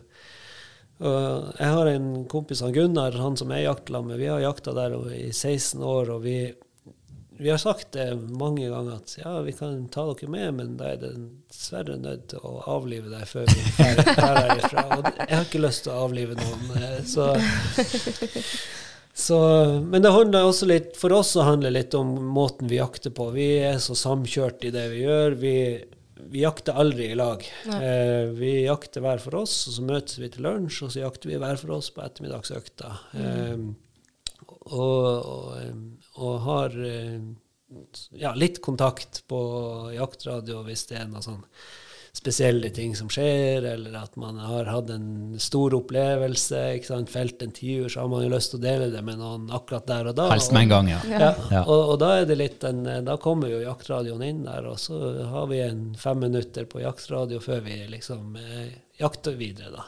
Mm. Um, og så har vi ja, veldig rutiner på hvordan vi ligger i teltet, og hvem som lager mat den ene dagen, og hvem som må kjøre ut i terrenget neste dag. og Alt det der er sånn ryddig og ordentlig og avklart, og det er aldri noe spørsmål liksom, om, om, det. Og det, det, er veldig greit å kunne ha bare fokus på sjølve jakta og på hundene og, og, og, og, de forholdene som er den gjeldende dagen. Mm. mm. Absolutt. Men eh, du, eh, du nevner jo hunder nå. Ja. For du driver jo kennel òg? Ja, jeg driver ikke kennel, men jeg har et oppdrett ja, som er et kennelnavn. Ja. Ehm, jeg har ikke hatt veldig mange kull. Jeg har eh, Det siste kullet mitt er nå, de blir tre år nå i mars, så jeg har hatt fire kull så langt i min oppdretterkarriere. Hvilken rase er du du har? Jeg har jo Gordon Setter. Jeg har vært innom en pointer en gang. og ja, Eh, men, men det er Gordonsetter som har eh, liksom Prenset Brent seg til hjertet. Ja, Ja. det er det. Jeg vokste opp med Gordonsetter hos um, pappa, og, og um, har etter hvert eh, hatt ganske mange Gordonsettere sjøl. Um, selvfølgelig med ulike kvaliteter, og det er ikke alle som har blitt skikkelig gode jakthunder, men, men dem som har blitt gode jakthunder, har virkelig blitt gode jakthunder. Hva er den optimale jakthund- og familiehund for deg? Um, det er en av og på-hund. En, en virkelig av og på-hund. Uh, en som skjønner at ok, når vi er hjemme i huset, så skal den være rolig. Og da skal den ikke ha mye oppmerksomhet annet enn litt kos og få seg mat. Og ikke stresse rundt i huset. Og den skal ha et godt gemytt. Folk skal kunne komme og gå som de vil. og Um, ungene skal kunne gjøre hva de vil med den. Uh, men når vi tar frem jaktdekkene eller uh, trekkseler og skal ut på jobb, så skal påbryteren uh, skrus på. Uh, og de skal kunne holde ut i mange dager. Uh, Jeg trenger hunder altså Når jeg først er på tur, så går det gjerne tre, fire, fem dager. og jeg trenger hunder som som tåler det uten å, uten å ja, bli for sliten. Da. Sliten blir de jo selvfølgelig, men, men, men de eh, må kunne tåle å jaktes med i tre, fire, fem dager i hvert fall. Så ja, den, den av og på-hund. Ingen hunder eh, trener seg sjøl. Ingen hunder eh, er ferdig dressert eller sånt. Eh, men, men jeg trenger også hunder som er forholdsvis lett å trene. For man er jo aktiv eh, med unger og aktiviteter og sånne ting. sånn at hundene kan ikke trenge for mye verken dressurtrening eller, eller fysisk trening for å komme i form. For da, ja, da blir de aldri gode nok hos meg, da.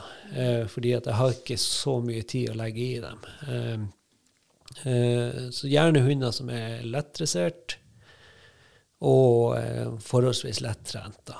Eh, det det. Det fins jo ikke en drømmehund, da, men, eh, men jeg har eh, ei linje nå som eh, jeg avler på, som virker å være veldig lettdressert. Det er mange som får dem til. Det er flere som lykkes på, på jaktprøver, mm. og lykkes også under jakta med dem. Sånn at det, det ser ut som jeg har truffet på en del av de målene som jeg har satt. da. Og så når det gjelder avl, så, så avler jeg jo i utgangspunktet for eget eh, bruk. Eh, alle gangene jeg har eh, hatt kull, så har jeg tatt en valp sjøl for å fylle på i andre ender. Eh, og så eh, liker jeg å gjøre ting annerledes enn det alle andre gjør. Eh, sånn at jeg, jeg mener jo at mye av den avlen jeg har holdt på med frem til nå, er med på å bygge en bredere avlsbase for Gordonsetteren som rase. Eh, sånn at, eh, eh, at eh, jeg bruker har ikke brukt, i hvert fall til frem til nå, noen sånne stormatadorer i avl. Jeg har unngått dem. Eh, selv om jeg kanskje sånn egenskapsmessig kunne tenkt meg å bruke dem, så, så så er det så mange som har ut av de linjene. Og da er det uinteressant for meg å blande inn de linjene direkte i, i de linjene som jeg har. Så når jeg tenker avl nå, så tenker jeg gjerne eh, helst ingen kull, eller veldig, veldig få kull eh, på hannhund som jeg skal bruke. Og så, og så prøver jeg å lete da linjer som er både helsemessig frisk og, og, eh, og eh, har de egenskapene som jeg eh, ønsker å enten forsterke eller eh, dempe da, hos mine egne. Ja. Men det må jo være et bra utgangspunkt, det der å liksom avle til på, på hunder som man faktisk sjøl kunne tenkt seg. Og, og liksom at du, du avler ikke for at du bare skal selge dem, på en måte, og Nei. spre, så mange, spre genene dine, på en måte. At man ville ha dem sjøl òg. Ja, det må jo være den største liksom, tilliten overfor en valpekjøper. At du faktisk sjøl skal ha fra det der, eh, den paringa. Mm. Tenker nå jeg. Ja, det, det tenker jo jeg også. eh, Og det er jo litt sånn For min del så hadde det beste for alle raser når det gjelder fuglehunder, det er om, eh, om de hadde vært gratis. Altså, hvis vi ikke hadde tatt penger for valpene våre, Um, annet enn det det koster å få den registrert i Norsk Kennelklubb og eh, veterinærattesten og, og sånn, så hadde vi kunnet avla på de hundene som, som, eh, som virkelig eh, var verdt å avle på. Eh, vi har jo sett det på Gårdåseteren på begynnelsen av 2000-tallet. Så var det jo en populasjon som var helt hinsides all fornuft, og man avla på alt mulig slags hunder, og det ble masse sykdommer og masse dårlige hunder, dårlige gemytt og aggressive hunder. Alt mulig slags dritt kom ut av det. Eh, fordi at de ble så kjempepopulære. Du fikk solgt Uansett hva du para, så fikk du solgt valpene dine til blodpris.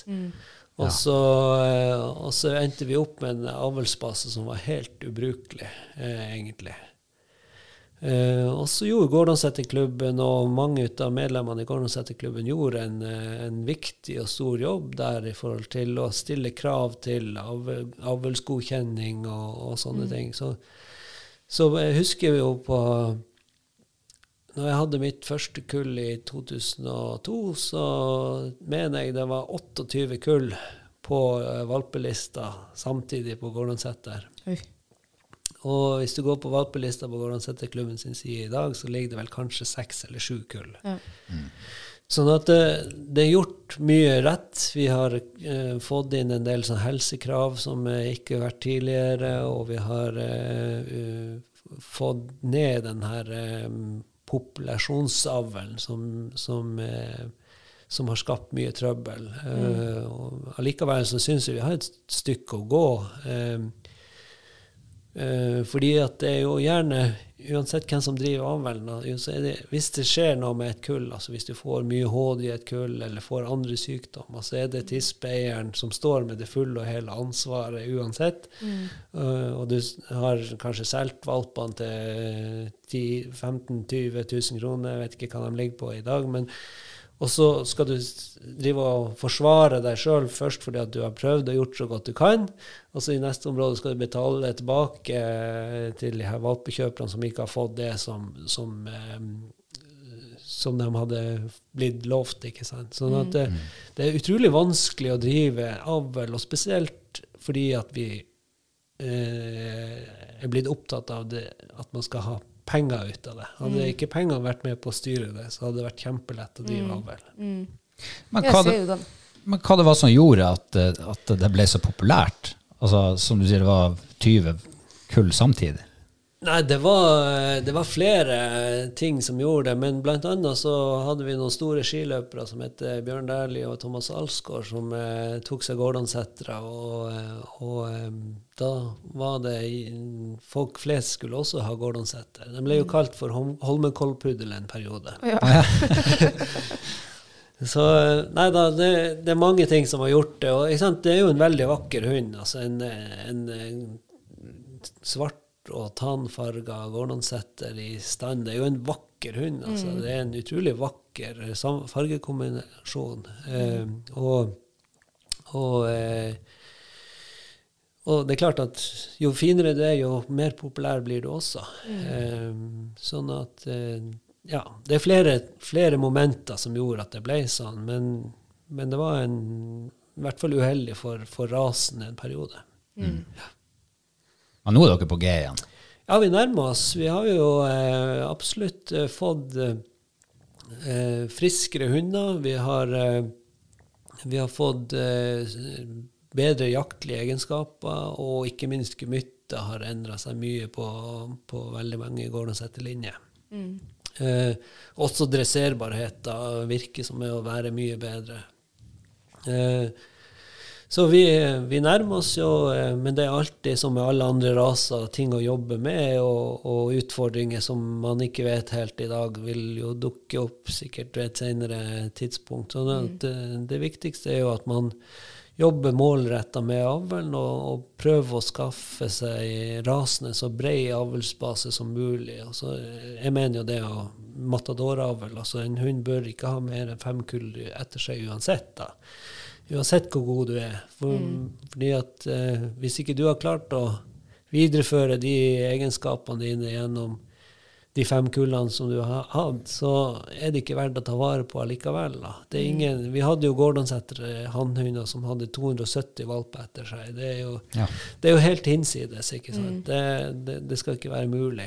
Og likevel så er det jo lov. I Niske er det jo lov av ti paringer, og så kan du jo sikkert søke om mer. Er det samme i Gårdenseter Ja, også? det tror jeg. Ja. Jeg husker ikke helt hvordan de her eh, grensene er, men, men, eh, men jeg mener i hvert fall at ingen hunder bør ha mer enn maksimalt fem kull etter seg. Eh, da får man heller fryse ned og så ta det opp igjen om 20 år, når, ja. når genene da er borte. Mm. fordi ingen hunder er så gode. Altså det, er at de at de fortjener å, å avle så veldig mye mer enn det. Jeg sitter litt med følelsen av at du nylig stakk handa di inn i et vepsebol. Eller Nei da, jeg, jeg opplever faktisk i Gårdseterklubben at vi har uh, gjort en del med akkurat det. Uh, det er slutt på den tida der, uh, der han Don Juan fikk gjøre akkurat sånn som han ville. For folk er blitt mye, mye mer oppmerksom på det, at det er ikke med på å, å bygge en rase. De- det er med på å utvanne grunnlaget du har for å avle videre. Da. Jeg så jo noe her for en par-tre år siden som Gårdenseterklubben åpna opp for. Og det var jo avle på uh, hunder med C-hofte. Ja, Det syns jeg er et veldig godt tiltak. Og da får du en større avlsbredde og Absolutt. Og det eh, Nå har vi avla på HD-frie hunder i 35 år, og vi er akkurat på samme statusen som vi alltid har hatt når det gjelder. Og, eh, og jeg har sjøl en eh, tispe på åt, snart åtte år som har middels grad HD med forkalkning, og hun går som en ungfugl i, i dag. Sånn at uh, HD selvfølgelig det påvirker en hund, uh, og, og det kan gi den utfordringer etter hvert som den blir gammel og, og, eh, og stiv. da. Men så er det fuglehunder vi holder på. Det er brukshunder som skal brukes til jakt, den skal brukes på tur, den skal trekke, litt kløv, trekke pulk, og den skal bære litt kløv. Eh, og, for min del så har en hund fungert til det jeg skal bruke den til, fra den var ett og et halvt, to år gammel, til den er ti år, så har den levd et jævlig godt liv. Eh, om en hund blir 11 år, eller 12 år, eller 13 år, det har ikke så stor betydning. fordi at de, de siste tre årene der er jo ikke hunden på topp, uansett om den er HD-fri og sykdomsfri eh, eller noen ting. altså. Det, toppårene for en, eh, for en brukshund er jo fra fire til seks, syvårsalderen uansett. da. Og, og, og eh, Ja, sånn at eh, jeg er veldig glad for at Gårdseterklubben åpna opp for å avle på C-hofte, og jeg tror at det gir oss et større grunnlag for, for videre, videre avl. Eh, og så handler det til slutt om at ja, kanskje det er bortkasta penger å drive og HD-rønke de hundene våre, fordi at veldig mye ligger jo i hodet på dem. Hva, hva, hva skal de brukes til, og hvordan skal vi bruke dem? Og, og vi plukker jo bort de hundene. Eller altså vi, de hundene som ikke har de egenskapene som vi ønsker, de, de blir ikke brukt i avl heller. Så det, det er vanskelig, vanskelig tema. Jeg tenker at eh, for, ja, både for Gordonsetteren og andre raser så er det andre sykdommer som er mye verre enn HD, Ja. eh, sånn sett, og, og som påvirker dem mye, mye mer enn en, eh, en det hofte kan gjøre. Så Jeg syns det er kjempeinteressant, og det er veldig fine betraktninger. Det, er- det er ikke noe som du kommer på nå, det er noe du har tenkt igjennom, som du føler på, følt på over mange år sikkert. Så jeg syns det er veldig interessant å sitte og høre på. Eh, Jeg har jo ikke sjøl så veldig mye å fare med innenfor avl, og sånn, så jeg syns det er superspennende. Jeg ser, vi var jo på tur å bestille hund fra Amerika for en åtte-ti år siden. Og da spurte hun om HD-røntgen og sånn. Det gjorde de ikke. De hadde en test som gikk over tre-fire dager. Altså springe, styrke og alt det der. Og klarte hunden det, så var han frisk. Og sånn er jo kanskje noe vi absolutt kunne hatt her i Norge. Ja, absolutt. Altså, man ser jo på hundekjøremiljøet som virkelig bruker hundene sine. Det er jo ikke en eneste hund som er HD-rønka. Men, men de plukker jo selvfølgelig bort de hundene som ikke har langdistanseegenskaper som man ønsker. ikke sant? Og, og, Og det, og det viser seg gjerne med halthet eller eh, stive muskler eller, eh, eller sånne ting, at de ikke har en restitusjonsevne som mm. så, så jeg, Men jeg vet jo ikke om, om, det, eh, om det betyr at eh, at, eh, det, at de bare har HD-frie hunder i et, et langdistansespann, det tror jeg ikke nødvendigvis. Jeg tror mer det ligger i hodet på, på hvert enkelt individ. Og selvfølgelig forkalkninger og sånne der ting vil påvirke ledd og muskulatur, eh, uten tvil. Eh, men det betyr jo ikke at de ikke er gode brukshunder likevel. Ikke sant? De, de kan brukes på jakt, og de kan brukes til eh, lett snørekjøring, og de kan brukes til å trekke en eh, pulk og bære litt kløv. Eh, kanskje de ikke holder til de er tolv år gamle, men kanskje de må gi seg når de er ni og et halvt. Ikke sant? Og da, ja, det blir sånn di- dilemma som, eh, som er Ja, jeg tenker at får en hund være ti år når den uh, forlater eh, til evige jaktmarker, så, eh, så er, det, er det et veldig, veldig godt hundeliv, altså. Og, og jeg tror ikke en D-hofte nødvendigvis er årsaken til at, til at det som At den må gi seg da. Det er andre ting, liksom. Så eh, ja, jeg, jeg, tror i hvert fall at vi må ha eh, rett fokus når vi avler, og så må vi i hvert fall ikke tenke penger på det vi gjør, men tenke eh, rasens beste og, og utvikle rasen innenfor de egenskapene som den rasen har. Uh, og eh, ja. Det, da, da, da kommer vi langt som raseklubb, altså. Hvis alle er ærlige. Ja, ærlige. Herregud. Det hadde vært uh, utrolig deilig. Altså, det lærer man jo hos mor si. Ja. Ja. da vet du jo hva du, altså, hva du har å jobbe med, liksom. Mm. Ja, ja det, det er akkurat det som er som, som du sier. Altså det er ærlighet. Hvis man hadde visst hva som lå bak hver enkelt individ, og hva som er utfordringer, så, så hadde det vært uh, veldig mye lettere å, å, å jobbe med en rase.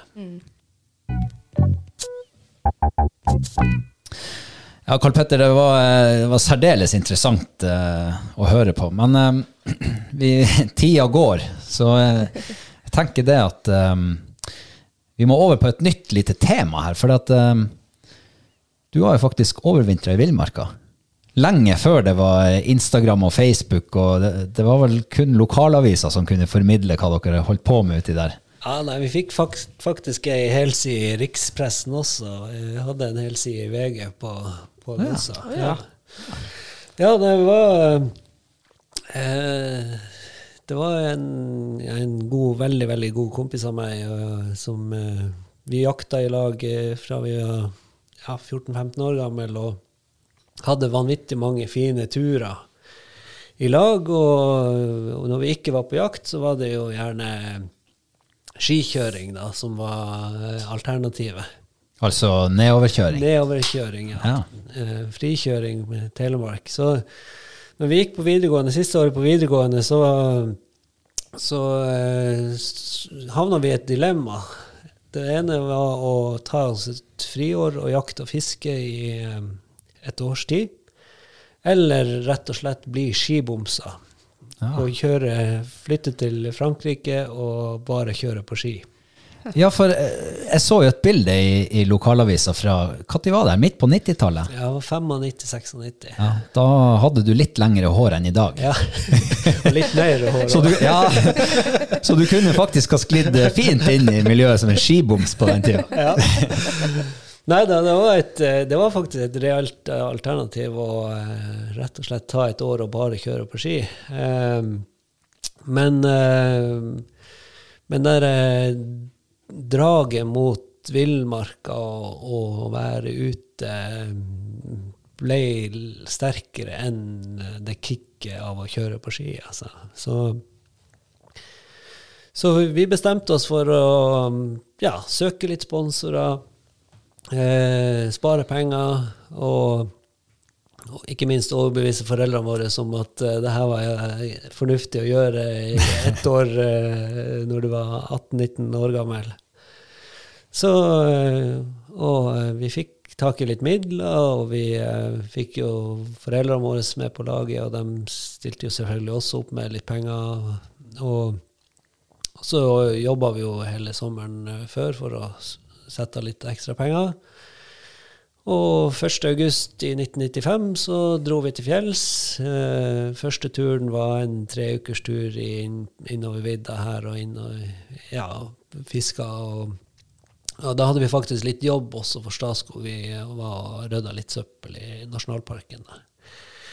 Eh, og hele året, det var ikke noe sånn ekstremår. Det handla ikke om å være ekstrem på noen som helst måte, men det handla om å dyrke en lidenskap og gjøre det Være på lengre turer eh, med korte opphold, eh, nødvendig opphold for å proviantere ny mat og, og eh, ja, få inn utstyr dit vi skulle være og sånt. da. Sånn at eh, de, de fleste turene var på tre uker opp mot en måned. Og så hadde vi eh, eh, vinteren eh, 96, da dro vi ut eh, 15. januar og var tilbake i sivilisasjonen 15. mars. Oi. Oi. Sammenhengende. Da var det 61 dager sammenhengende på Oi. tur. Mm. Så Og så, ja, utover det året der, så, så ble det jo ja, lengre turer. Vi hadde en uh, tur bl.a. fra Kvikkjokk i Nord-Sverige og skulle gå tilbake hit til Nordreisa, som er en tur på en ca. 75 mil i luftlinje. Altså 750 km. Yes. Uh, så den uh, turen brukte vi akkurat tre uker på. Eh, vi havna dessverre ikke i Nordreisa. Eh, en uke med sn- snøstorm når vi hadde passert uh, Skibotndalen, eh, gjorde at vi faktisk mista helt eh, retningssansen og hadde til slutt ikke peiling på hvor vi var. Nei. Eh, og eh, det var jo før GPS-en sin tid, eller det fantes jo GPS-er på den tida òg, men vi hadde ikke det på utstyrslista vår. Eh, så det var kart og kompass, da. Eh, og jeg husker enda den sjette dagen med sånn fem meters sikt. Eh, der du går og du ikke vet hvor du er, verken hvor du er, eller ikke har noen holdepunkter. Da. Så så husker jeg at uh, den sjette dagen jeg våkner om morgenen OK, nå er det litt mindre vind. Jeg forter meg ut. Går ut av teltet, og så ser jeg kanskje en uh, 60-70 meter bortover. Og det er helt flatt. Det ser ut som et vann. Og det, sånn er det i alle himmelretninger. Og så tenker jeg på kartet. Tar en kartet, og så står jeg og kikker på det. Ja, vi har gått ca. så og så mange kilometer i timen, så og så mange timer fra siste holdepunkt, som var en plass nede i Skibotndalen. Og så prøve å beregne på hvor, hvor kan jeg være hen på det her kartet, da. Hvis jeg har gått i nord, nord, nordøstlig retning. Og eh, til slutt så bare tar vi sjansen på at OK, vi er der. Og det var liksom Vårt utgangspunkt var at vi var på, eh, på Sommasjärvi. Uh, som er ganske stort vann, da. Eh, og sånn sett kunne det passe med den beskrivelsen jeg hadde den morgenen. du fikk terrenget til å stemme med kartet, eller, eller motsatt? ja. Og stakk eh, kompasskurs ut ifra det, for at vi skulle komme ned Gapperoslia litt lenger eh, nord, og- nord da. Eh, og begynte å gå. Og ikke så veldig lenge etterpå så kommer vi på ei skuterløype. Yes, det her kan jo stemme. Nå har jeg pinadø tatt rett. Vi har gått i seks dager i snøstorm og pinadø klart å beregne at vi er kommet dit vi skulle komme. Men så eh, så blir jo eh, For det første så dreier skuterløypa vestover. Og det blir djevelsk bratt. Så eh, da skjønner vi jo ganske fort at OK, nei, vi er ikke i, eh, på Gapperosløypa, vi er på tur ned Manndalen. Ja. Eh, men eh, da bestemte vi oss for at OK, vi, vi eh, gjør det som er fornuftig, det er å holde oss til denne løypa. og komme oss ned av fjellet. Eh, og kom da ned i, i Manndalen. Og eh, forkorta turen med noen eh, kilometer. Men eh, opplevelsen var, var stor, og det var en fantastisk eh, flott tur, rett og slett. Men altså, det, det skjærer jo i ryggraden min når du har gått i seks dager og ikke altså, du, du har ikke sett noe, du aner ikke hvor du er hen. Altså, hvorfor, hvorfor fortsetter dere? Altså, hvor, vanligvis så skal man jo stoppe og grave seg ned, eller et eller annet sånt. Ja, men jo da, og vi, altså, det er klart at vi, eh, vi hadde jo ikke det tempoet som vi hadde hatt uh, de to ukene tidligere. Uh, eh, da gikk det unna, virkelig. Altså. Vi, eh, de første fem dagene var opp gjennom Sarek nasjonalpark eh, i Nord-Sverige. Og der var det helt øde, ikke et spor, ingenting. Det var, det var bare natur og en meter med djup snø. Så der var det sånn at eh, vi gikk en kilometer, og så var det tilbake og hente utstyret, og så gikk det en kilometer til. Altså for, rett og slett for å tråkke spor til oss sjøl, da. Yes. Uh, eh, så der gikk det veldig tregt. Eh, men det som var enda verre, at når vi da kom øverst i Rapadalen, som er en del av Sarek nasjonalpark, så møter vi på to tyskere. Helt tilfeldig. I ingenmannsland. I ingenmannsland, ja. To tyskere. Og vi hadde brukt fem dager dit opp eh, fra, fra Kvikkjokk, og de hadde gått fra Sulitjelma, som er ja, kanskje tre mil i luftlinje, eh, og skulle ned Rapadalen. Eh, og de hadde ikke, jeg vet ikke hvor lang tid de hadde brukt, da, men de var helt utslitt når vi møtte dem. da. Men årsaken var at de kom gående på slalåmski. ja. De har altså gått fra Sulitjelma til øverst i Rappadag på slalåmski. Og vi hadde to huskyer da, eh, som vi hadde med oss på denne turen. Og de bydde oss altså 50 000 hver for de her eh, to huskyene. Og de skulle da ned, gjennom Rappadag, i det sporet som vi nettopp hadde tråkka til dem. da. Men eh, vi måtte beholde de huskyene, så eh, fikk de seile sin egen sjø. Stakkars tyskere, altså. Tenk å møte på to eh, forkomne nordlendinger inn i en nasjonalpark, og så, og så vil de ikke selge hundene for 50 000. Særinger, det. Nei da, det var en uh, flott tur, og eh, jeg husker også det, det var veldig spesielt. Tårnet Tresk er jo svært. Det er jo uh, ca. ni mil langt. Og når vi kom dit, og vi kom ned i Abisko, og så skal vi gå eh, nordøstover, og liksom diagonalt over Tårnet Tresk. Eh, syv mil beregna vi at liksom turen fra den ene enden til den andre enden var. Og den gjorde vi unna på én dag, da, med pulk og, eh, og utstyr. Og en meter dyp snø. Nei, da var det ikke Ja, Da, da var det da, da, da var det kanonforhold. Altså. Da hadde vi Ja, ok. hatt sånn 30 minus på natta, og så var det 15 varmegrader på dagen. Sånn at du fikk et sånn skikkelig sånn isskare. Sånn at du, vi skøyta rett og slett over hele Tårnet Tresk med fjellskiene, og, og pulkene og hundene bare, de bare dundra av gårde. Og, vi, og vi tok eh, lunsj midt ut på Tårnet Tresk, og du liksom ser tre mil i hver retning. Det var jævla kult. Og bare sola steiker, og det er helt, helt fantastisk. eh. Ja, for da er du kommet ut i, på, på vårparten. Ja, da var, det her var i uh, rundt 20. april, uh, tenker jeg. Ja. Mm. Ja, da er jo noe, våren i anmarsj på fjellet, sånn, på gode dager i hvert fall. På gode dager så er det ja. Ja.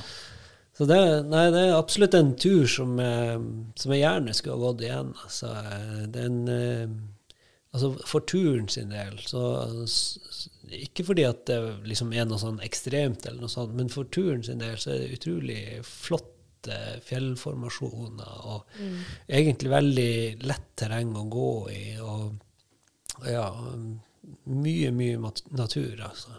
Ja. Men, men eh, det her var den lengste enkeltturen dere hadde. Det var lengste etappen, Etappen. Sånn, sånn distanseturen vi hadde. Eh, Den lengste lengste tidsrommet var, var det vinter eh, fra januar til, til mars. Da. Mm. da var vi på snarefangst eh, oppe i nasjonalparken i Reisa og lå i en lita jordgamme der da, eh, i to måneder. Du blir gode kompiser da, kan jeg tenke meg. Ja, det man, eh, Heldigvis så kjente han jo jævla godt fra før og visste jo godt eh, hvem han var. Og, og, eh, og, vi hadde liksom avklart det meste på forhånd. Eh, men, eh, men det oppstår jo konflikter, selvfølgelig, når du ligger på tre kvadrat og skal, de, skal dele det alt. Eh, så, men faktisk ikke på, ikke på den, eh, akkurat på den perioden der. Da handlet, var vi så mye ute. Vi var ute og satte snare hver eneste dag og sjekka snare og jakta litt med salongrifler og sånt. Men eh, vi hadde et par episoder i løpet av det her året som, der vi ja, det nesten blir boksekamp. Og, og, og vi står begge to med knytta never og er klare til å slå ut tennene på kompisen. eh, Men eh, besinne oss i siste øyeblikk og går og legger oss istedenfor, liksom. Så Ja, altså, hva som får deg til altså, hva som får deg til å få lyst til å smukke ned kompisen når du Altså, hva skal til liksom, på en sånn ekspedisjon? Nei, jeg vet ikke helt hva som var årsaken. Altså, det, selvfølgelig er det jo små detaljer hele tida som bygger opp litt frustrasjon, da. Eh, det kan være måten han eh, står opp på, eller eh, måten han, pusser tennene på, eller altså det, er bitte, bitte små ting som gjør at du bygger opp litt frustrasjon. Sjøl om du kjenner han aldri så godt, så er det, er det jo noe. Liksom, du har ikke så veldig mange andre å diskutere med. Så, så det er vel mest det at det er små detaljer, og, og til slutt så bare renner det over.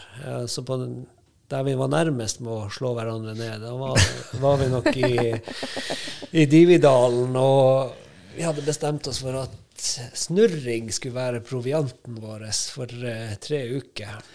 Ja. Å spise snurring i, til middag i tre uker på rad, det unner jeg ingen, altså. Og til slutt så blir du så lei snurring at du gidder ikke å steike den engang. Og når du da er sulten etter en hel dag på fjellet, og så kommer du hjem og så vet du ok, vi skal spise snurring til middag i dag også, så, og du åpner lokket på snurring, snurringboksen, og så tar du en skje, og så har du bare lyst til å brekke deg. Så da, da var det ganske nært at uh, han var tannløs, uh, kompisen. men, eh, men vi gikk og la oss istedenfor, da. Ja. Dere våkner opp da som venner. Ja da, da er alt glemt. Ikke Ja, sant? alt når, du, når du eh, har vært så nært bristepunktet, og, og at du liksom eh, eh, Ja, er på tur og gjøre noe du aldri ellers ville ha gjort, og, og vet at OK, det er jo ikke han, det er jo bare den situasjonen. Situasjonen, ja. ja.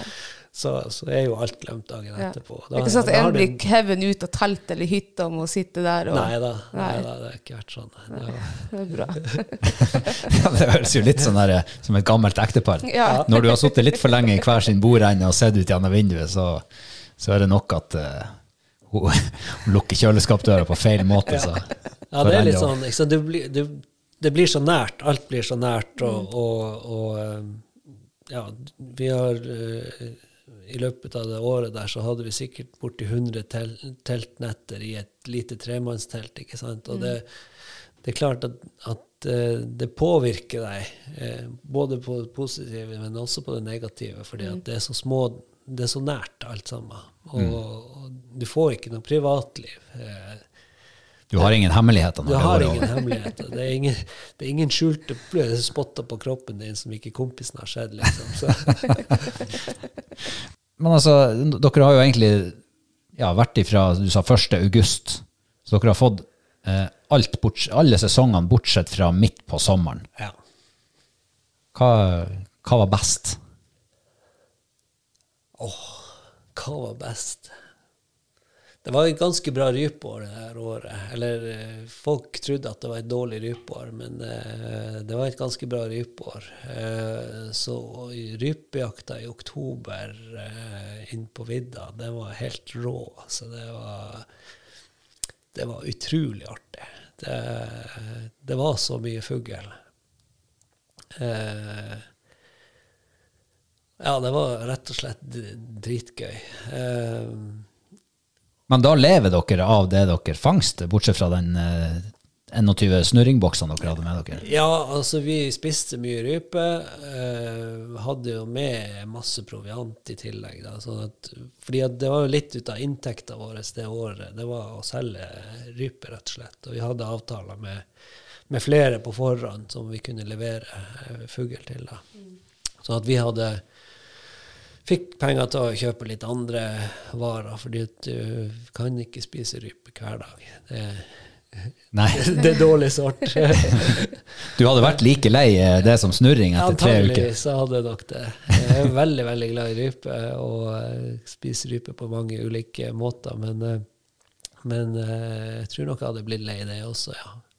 Um, så vi solgte jo faktisk en del rype. Og, men det, det er litt sånn der eh, Det er litt vanskelig. Altså, hva, hva var det beste, eller hva var det eh, Fordi at eh, det var så det var, Totalen var så bra. Um, Uh, og det var akkurat det vi hadde lyst til å gjøre. Det var ingen andre som hadde bestemt at sånn skulle vi gjøre det, eller så ekstremt skal det være. For det var ikke ekstremt, det var bare at vi gjorde det som vi hadde lyst til å gjøre. Eh, men jeg tror nok at hvis jeg skulle valgt ut én ting, så har det nok vært de der to månedene på snarefangst eh, som, eh, som var høydepunktet. Og det handla egentlig mest om at jeg lærte så sinnssykt mye i løpet av de to månedene. Jeg kunne jakte rype med hundehagle. Jeg kunne ikke sette snare, men det lærte jeg virkelig å gjøre. Og jeg lærte så vanvittig mye av å være så lenge på tur, sammenhengende. Altså både i forhold til hvordan jeg skulle kle meg, og hvordan jeg skulle gjøre ting. Altså rutiner ble så, de ble så bra.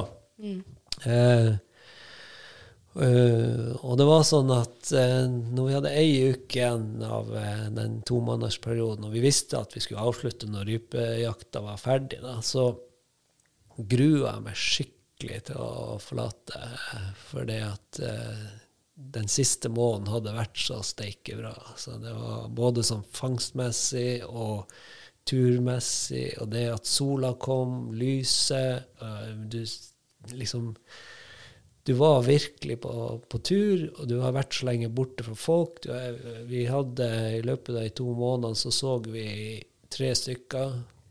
Og det var oppsynet en gang, fattern en gang, og eh, en annen fyr som var på tur. Eh, ikke sant? Og det, det å vite at du klarer deg sjøl så lenge, eh, og ja, beherske absolutt alt, eh, gjorde at eh, det, det, det er noe jeg har tatt med meg i ettertid i forhold til eh, å vite at man faktisk eh, ja, har egenskaper som gjør at du kan eh, klare deg sjøl uten andre, eh, hvis behovet er der. Jeg trives jo med andre òg, det er ikke det.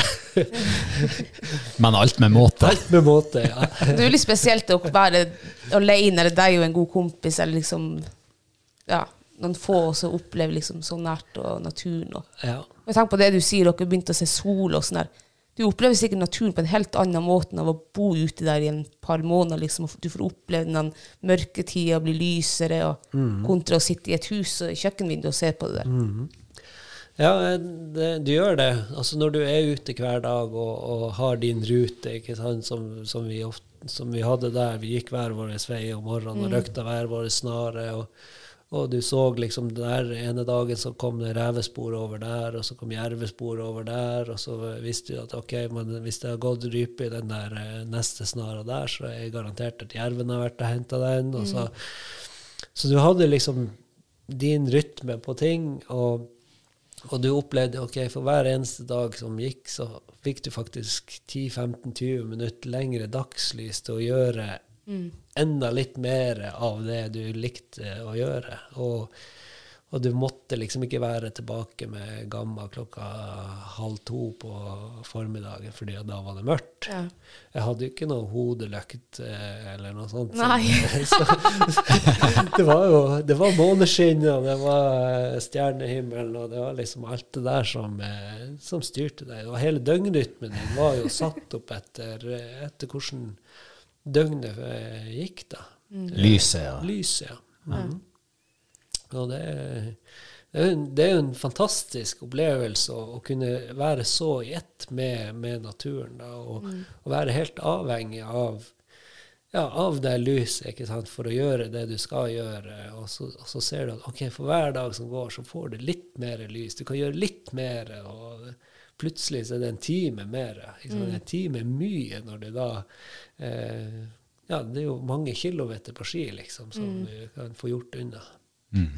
Tøft. Um, men jeg vil litt tilbake til starten, egentlig. fordi at det høres jo veldig sånn krevende ut. og Jeg visste faktisk ikke at dere hadde liksom sånne små svipp- svipper hjemom Nei. og provianterte og pakka om og sånn. Jeg trodde dere var ute et helt år i strekk, eh, uansett.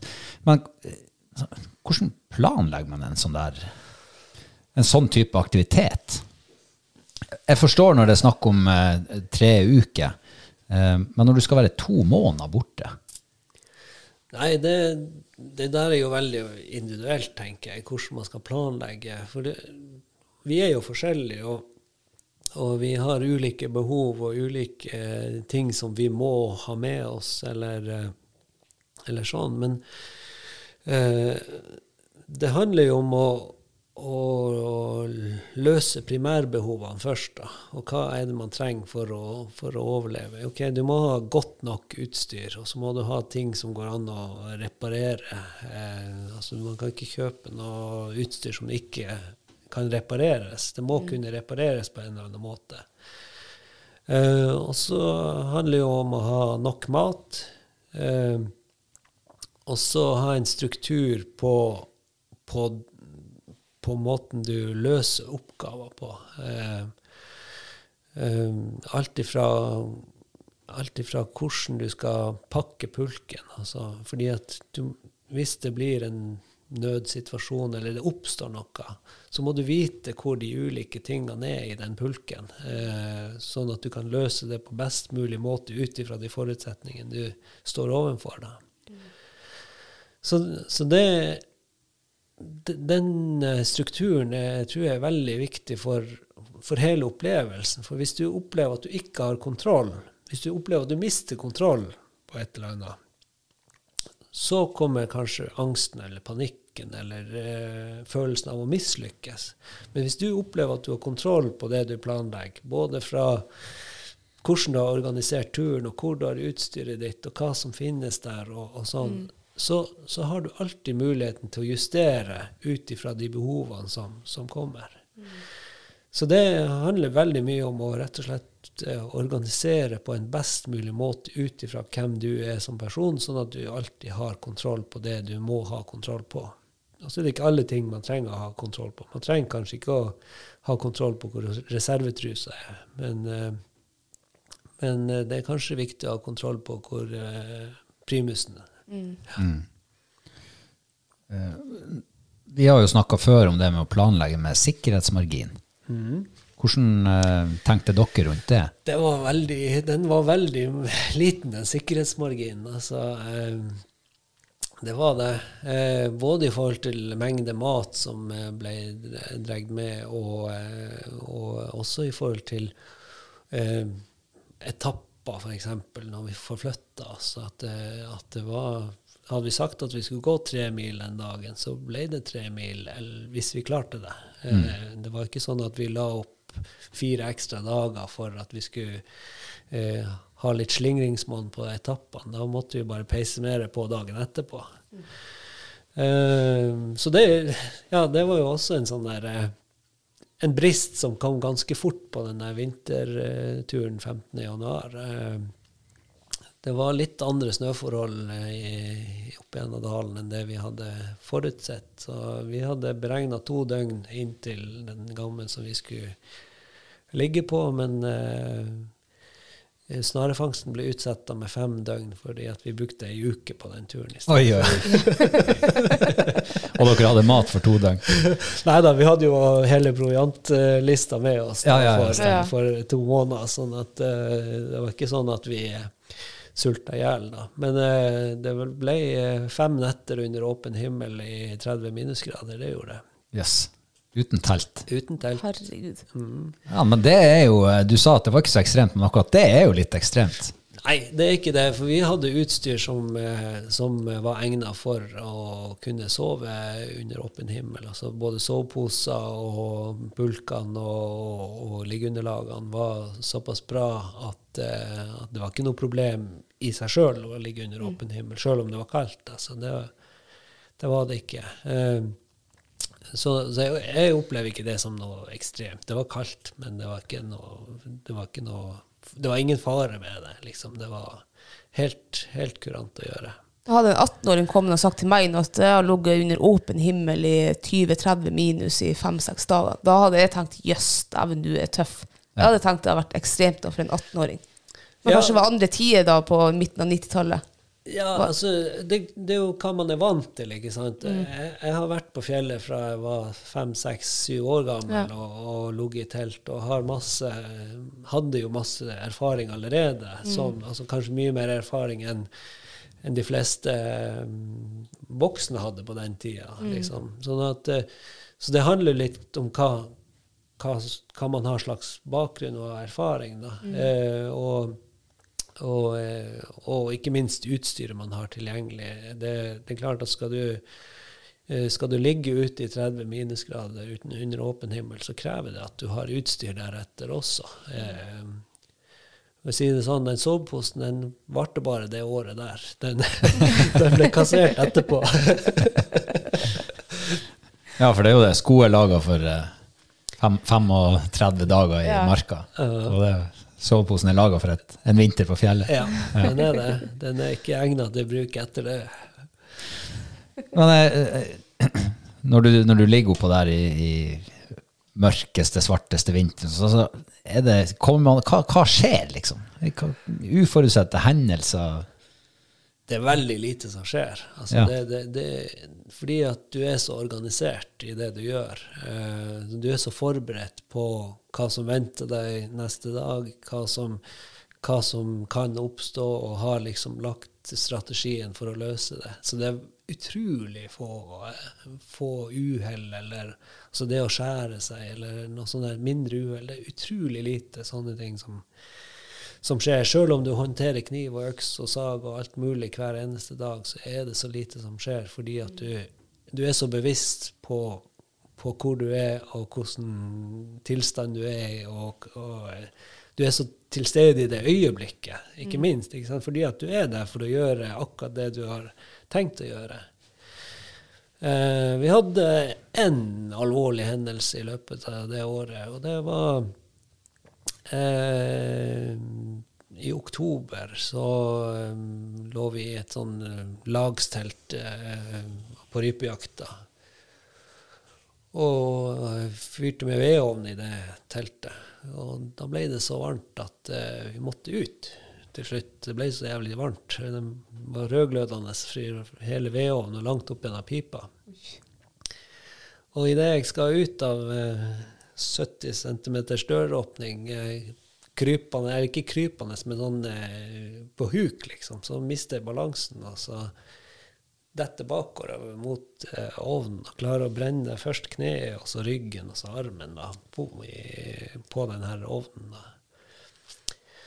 Og eh, da fikk jeg andregrads forbrenninger på de tre plassene der. Ganske store brannsår. Og sov ikke på tre døgn eh, pga. smerter og sånt. da. Men vi hadde jo brannsalve og sånne ting som var med på, og en del kraftige smertestillende. da. Men, eh, så det, vi berga oss gjennom det og, eh, uten noe sånn varig men etterpå. da. Eh, men det var jo selvfølgelig litt skummelt der og da, og man var litt sånn usikker på hva man skulle gjøre for å Om vi måtte forlate området og oppsøke hjelp eller sånt, men vi, vi fant nå ut at det gikk greit. Og, og jeg klarte jo ikke å la være å gå på jakt sjøl om jeg ikke hadde sovet de her dagene. Så, sjøl om tur, turene ble litt mindre de her eh, dagene rett etterpå, så, så, var jeg ute på jakt og fikk jo felt noen ryper da også.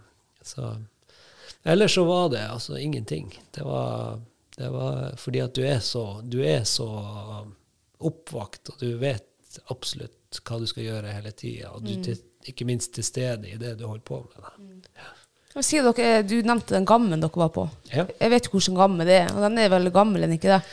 Ja, den er jo, eh, den er jo brukt som en snarefangstgamme siden ja, rett etter krigen, tipper jeg. Ja. Eh, renovert i et par omganger etterpå. Da, Da, da kommer mitt spørsmål. Opplevde dere noe sånn unaturlig eller overnaturlig der? Nei. Ingenting? Nei. Æsj, så kjedelig. Ja, dritkjedelig. Ja. Har, har, du hørt noe om det der?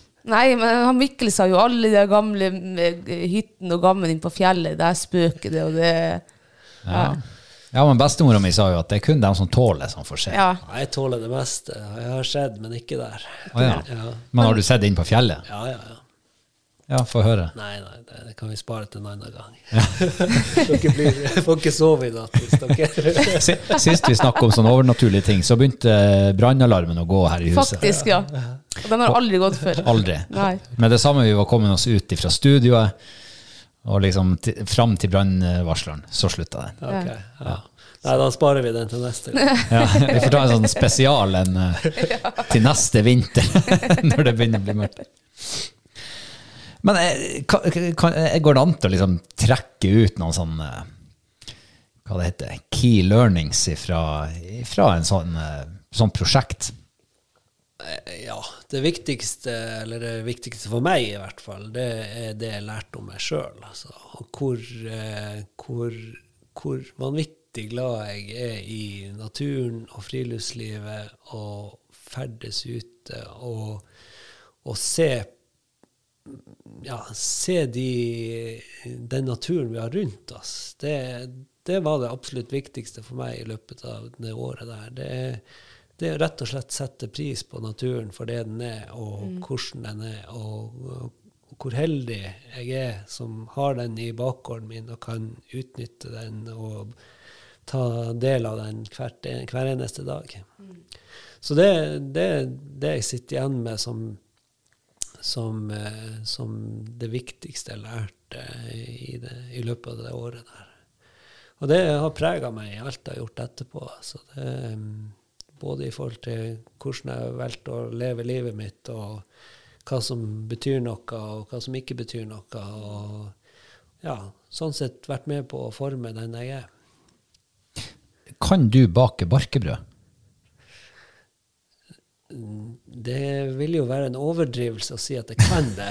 barkebrød, hva det er for noe? Du får høre om han kan fortelle deg hva det er. Aldri hørt barkebrød før, jeg. Nei, det er jo eh, brød med bark. Så. Bjørkebark for å, eh, for å eh, spare på melet, rett og slett. Ja.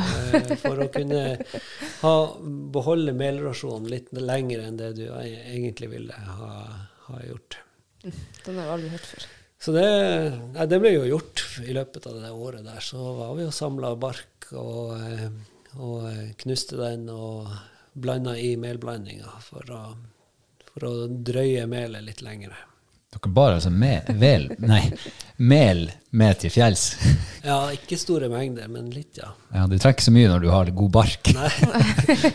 men uh, grunnen til at jeg spør, Karl Petter, det er fordi at um, jeg gikk jo på ja, jeg hadde kanskje akkurat begynt på ungdomsskolen da dere var kommet tilbake fra den turen. Ja. Og um, jeg fikk være med på et foredrag. Mm -hmm. Sånn lysbildeshow fra den der turen. Uh, og Det er så lenge siden at jeg husker ikke detaljer, men jeg vil minnes at det var noe med et barkebrød og noe sprit og mangel på vann eller et eller annet sånt. Husker jeg rett nå, eller hvordan jeg husker ikke så godt sjøl heller. Jeg husker et bilde av han kompisen min Gaute som står oppi et tre og samler bark. Det husker jeg. Um, men jeg husker ikke hele, hele historien rundt det. Men, uh, men uh, jeg tror det det var kanskje litt mer ekstremt enn fremstilt enn det det egentlig var, da. Ok. ja, for sånn som jeg husker historien, det, det er jo Ja, det må jo være 25 år siden ca.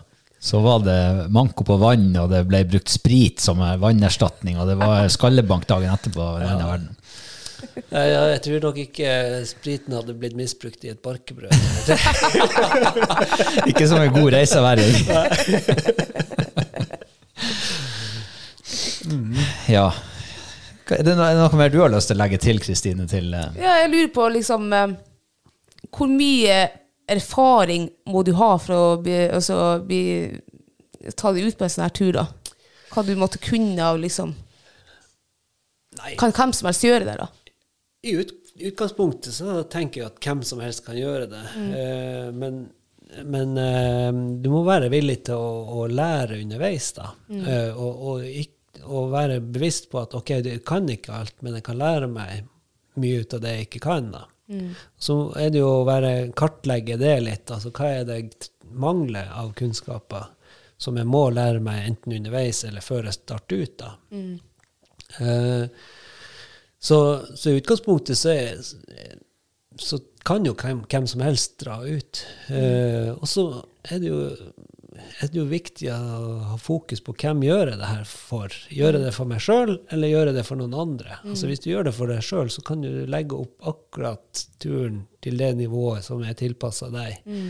Eh, men hvis du har fokus på at du gjør det her for noen andre, så er det jo mye vanskeligere å, å, å gjøre de tilpasningene. Sånn at, eh, og det var jo vår motivasjon. Det her. Altså, vi er jo ikke der for noen andre i det hele tatt. Det var jo fordi at vi hadde lyst på en opplevelse som var annerledes enn det å starte rett på videregående utdanning, nei, på høyskoleutdanning eller på eh, militærtjeneste eller sånne ting. Det var et, et annerledes år, rett og slett, var det som var vårt mål. Om du velger å dra til Brasil og, og gjøre noe spennende der, eller om du velger å dra til eh, på sjøen og leve som fisker, eller, eller uansett hva du har lyst til å gjøre, så tenker jeg at følg nå den motivasjonen som du har for å gjøre noe. Om det er naturen, eller om det er opplevelser, reiser, mm. uansett. Altså det, det tror jeg man har noe igjen for uansett. Men, ja, og så nevnte du jo det her med at dere måtte spare opp penger og fikk litt sponsorer og sånn. Altså, hvorfor måtte dere ha penger liksom, ute på fjellet? Nei, det var ikke til selve fjelltida, men det var jo for å handle inn det vi trengte av utstyr og mat og, eh, og sånt. Vi hadde jo ikke alt av eh, utstyr på plass, og vi eh, ja, trengte en del Det var jo en del store investeringer i telt og pulker og ja, soveposer og sko og klær nok.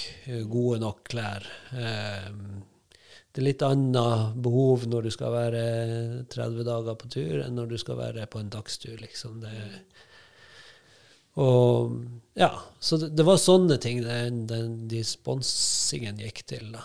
Eh, og, og det var jo også en lærerik prosess, da, bare å skulle sitte og skrive sponsorsøknader og forklare hvordan prosjektet ditt er, og hvorfor du vil ønske sponsing. Da. Og veldig få ut av de sponsorene vi hadde, de fikk jo ikke noe særlig igjen for det, annet enn kanskje et bilde i eh, I VG.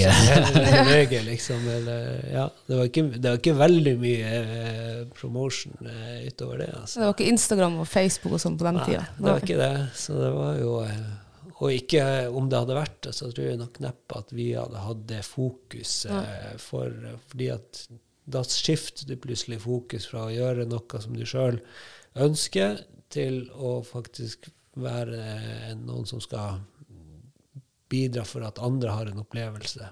Og, og for meg så var det i hvert fall ikke et uh, fokusområde da. Hadde du gjort det igjen? Helt klart. Jeg skulle gjerne gjort det igjen. Og eh, det kommer nok en dag. Men um, vil du anbefale andre å gjøre det samme? Ja, enten det samme eller noe som de sjøl brenner for. Altså, mm. Følg drømmen, tenker jeg, er det aller viktigste jeg vil anbefale andre. Om det, om det omhandler natur og friluftsliv eller noe annet, så følg drømmen. Mm.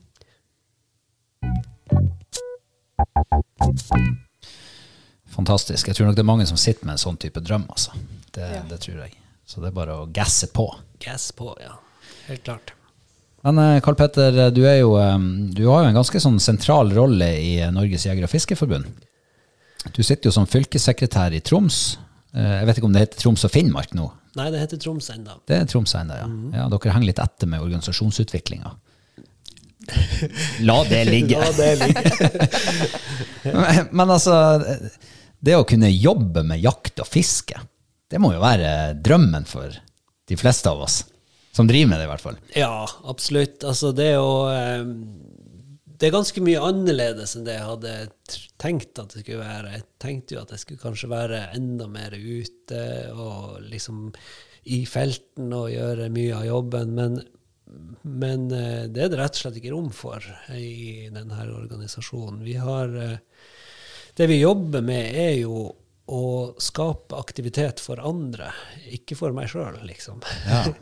Så du ble kontorrotte likevel? Ja, jeg ble kontorrotte, og, og, og har jo kontor her på Storslett. Og, og um, før koronatida så var jeg ganske mye på farten, da, fordi at jeg var ute i lokallagene og besøkte dem og mm, hjalp dem i forhold til deres aktivitet og sånn. Mens eh, det siste året så har det bare vært kontorarbeid. da.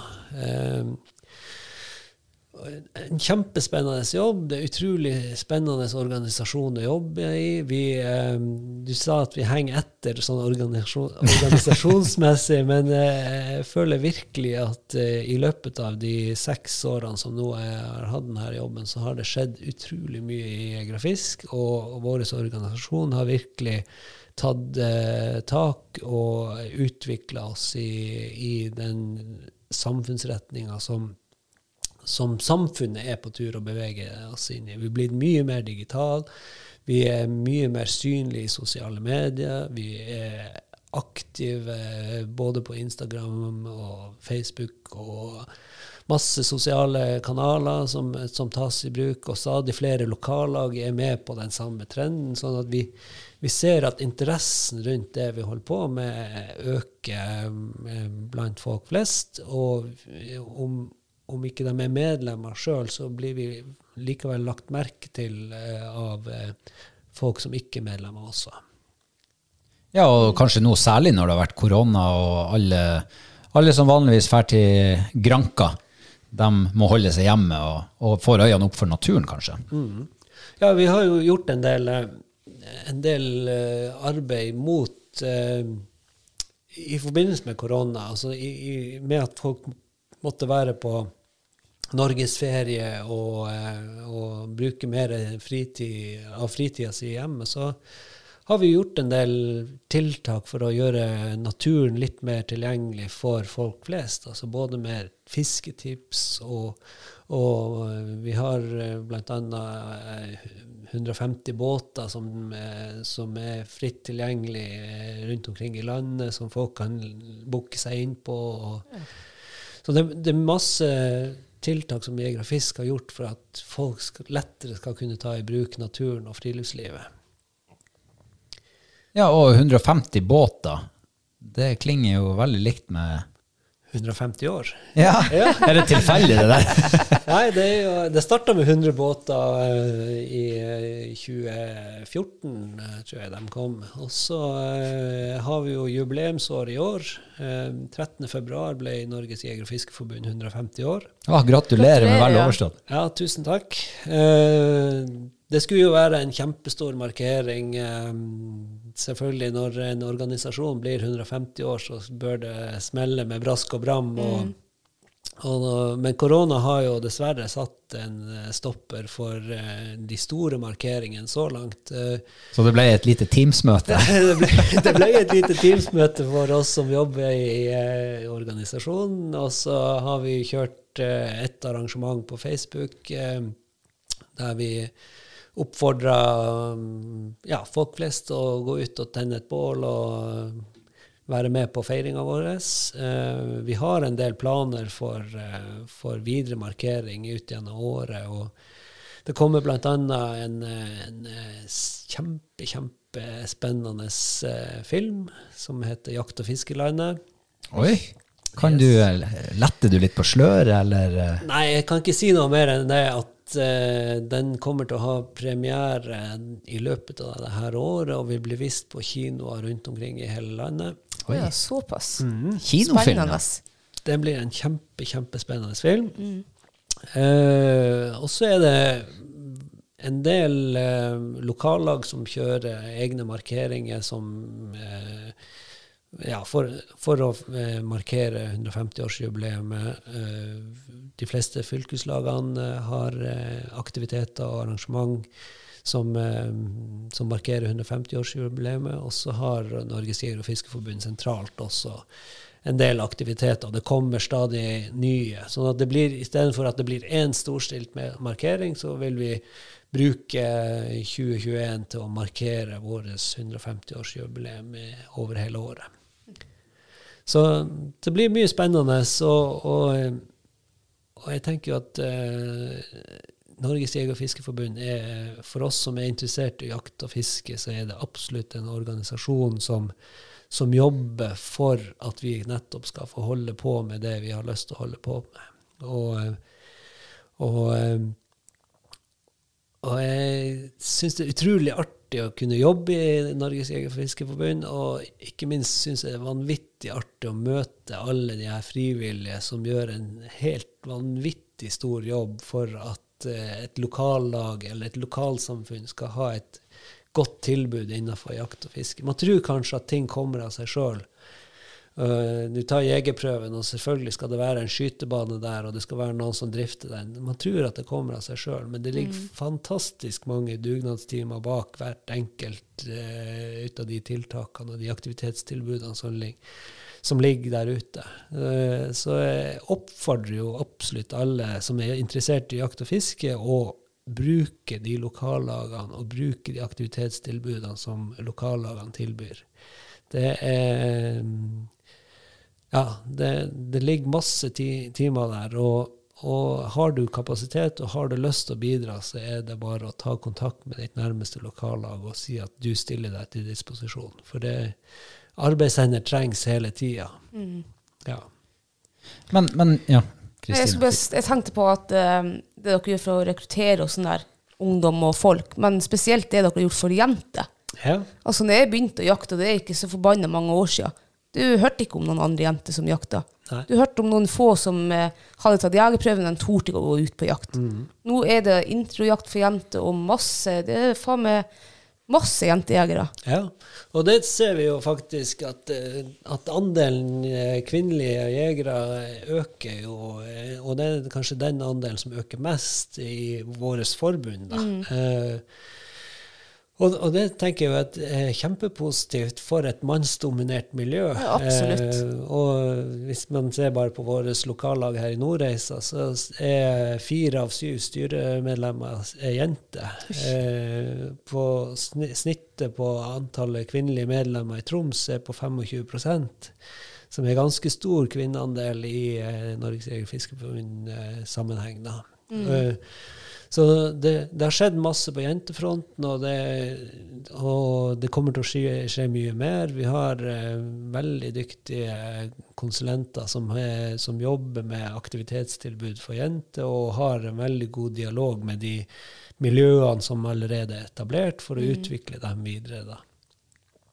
Så, um, og, men, men også ungdomssida har fått et kjempeløft nå i ja, eh, hos, hos oss i Troms så er det kanskje spesielt de tre-fire siste årene at vi virkelig har eh, klart å løfte ungdomssatsinga og ungdomsarbeidet. Og, og det ser vi også på interessen for de aktivitetene vi har. Nå, vi bruker å ha en sånn ungdomssamling ute på Arnøya med um, rypejakt og harejakt. og og den er, no, de siste årene har bestandig vært helt smekkfull, og lang venteliste på ungdommer som ønsker å delta. og mm, Tilbakemeldingen er ja, veldig god. De syns det er et kjempeopplegg, og de syns det er artig å få møte ungdommer fra hele fylket og kunne dele interesser. Um, Men hvor gammel gamle er de her ungdommene? Ja, vi, på den samlinga der så har vi 14 års aldersgrense som nedre aldersgrense. Og så uh, har vi sagt at vi prioriterer ungdommer opp til 20. Eh, eh, så 14 til 20, da. Men vi har jo eh, andre ungdomsaktiviteter der du har et eh, kanskje f.eks. storvilt eh, jakt for ungdom, som er, da er det 16 år som er nedre, og så er det 26 som er øvre. da. Eh, så det er litt sånn eh, Litt avhengig av hvilken type aktivitet det er. da. Eh, så den er tilpassa aktiviteten, rett og slett. Den alders... Ja, for altså, jeg husker tilbake da jeg sjøl var, var tenåring. Eh, så har du, du har jo en brennende interesse ikke sant, når du er 13-14-15 år. Eh, og så begynner jo jenter å bli litt interessant, og så får du den lappen og skal lode eller råne da på stripa. Så, så har du plutselig en del andre prioriteringer som, som er mye mer spennende enn å stå i ved vannet og fiske eller å drive med fangst eller et eller annet sånt. Så det er jo kanskje en kjempeviktig periode at, at noen er til stede liksom, og ha, tilbyr aktivitet for Sånn at ikke du liksom mister kontakten med, med, med lidenskapen din helt. Ja, og, og sånn, jeg tenker jo at lokallagene har en kjempeviktig jobb der. Eh, en ting er hva vi får til som fylkeslag. Eh, vi, vi får til en del. Men lokallagene har en kjempeviktig jobb i forhold til å, å ha fokus på ungdommene. Altså Invitere ungdommene på skytebanen og gi dem god opplæring på skytebanen. Så det ene du får ut, det er jo utrolig dyktige jegere. Eh, men også ungdom som er trygge og sikre på seg sjøl. For det å lære seg å håndtere et våpen på en god måte og en trygg måte, det gjør at du kan faktisk drive på denne aktiviteten på egen hånd uten å være engstelig for hva som kan skje. Fordi du, du er trygg på det våpenet du håndterer. Og, og da kan du utvikle deg sjøl med å utfordre deg sjøl på egne jaktturer eh, eller lag med kompiser. Men hvis du går og er usikker på hvordan du skal håndtere ei hagle, så er den terskelen for å komme seg ut på jakt alene, den er jo liv, ja, den er kjempehøy. ikke sant? Sånn at, eh, at det å, å skape tilbud til ungdommer eh, som, som gjør, gjør dem trygge og, og, og mest, eh, gir dem mulighet til å mestre eh, ting på egen hånd. Det er det som er viktig. Og så er, er jo tida helt annerledes nå enn det var for ja, 20 år siden, når vi vokste opp.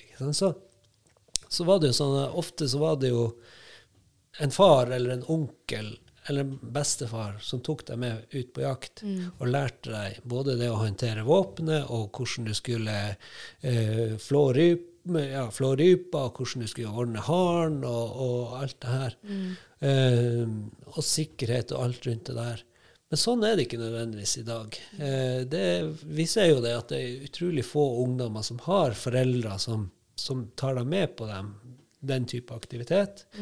Eh, og hvis de gjør det, så er det gjerne fordi at de er engasjert i et lokallag eh, og ønsker å bidra, liksom. Eh, men, men, men det er masse ungdommer som ikke har det tilbudet.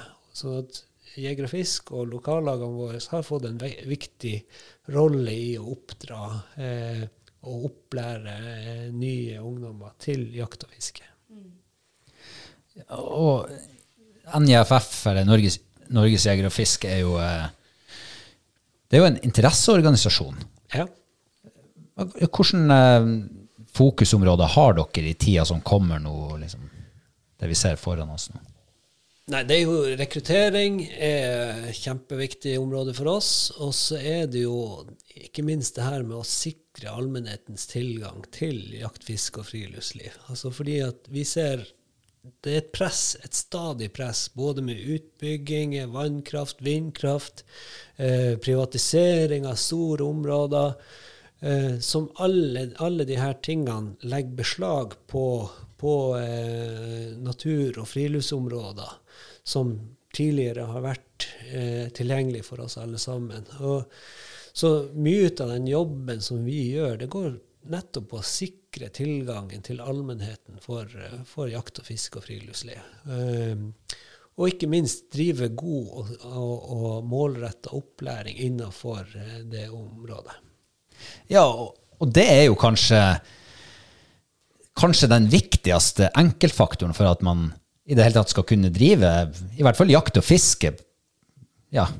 Ja, absolutt. Altså, tilgangen til jakt og fiske eh, er som sagt pressa, og, og, og hvis, eh, hvis ikke man har den tilgangen, så er det jo umulig å komme seg ut på det.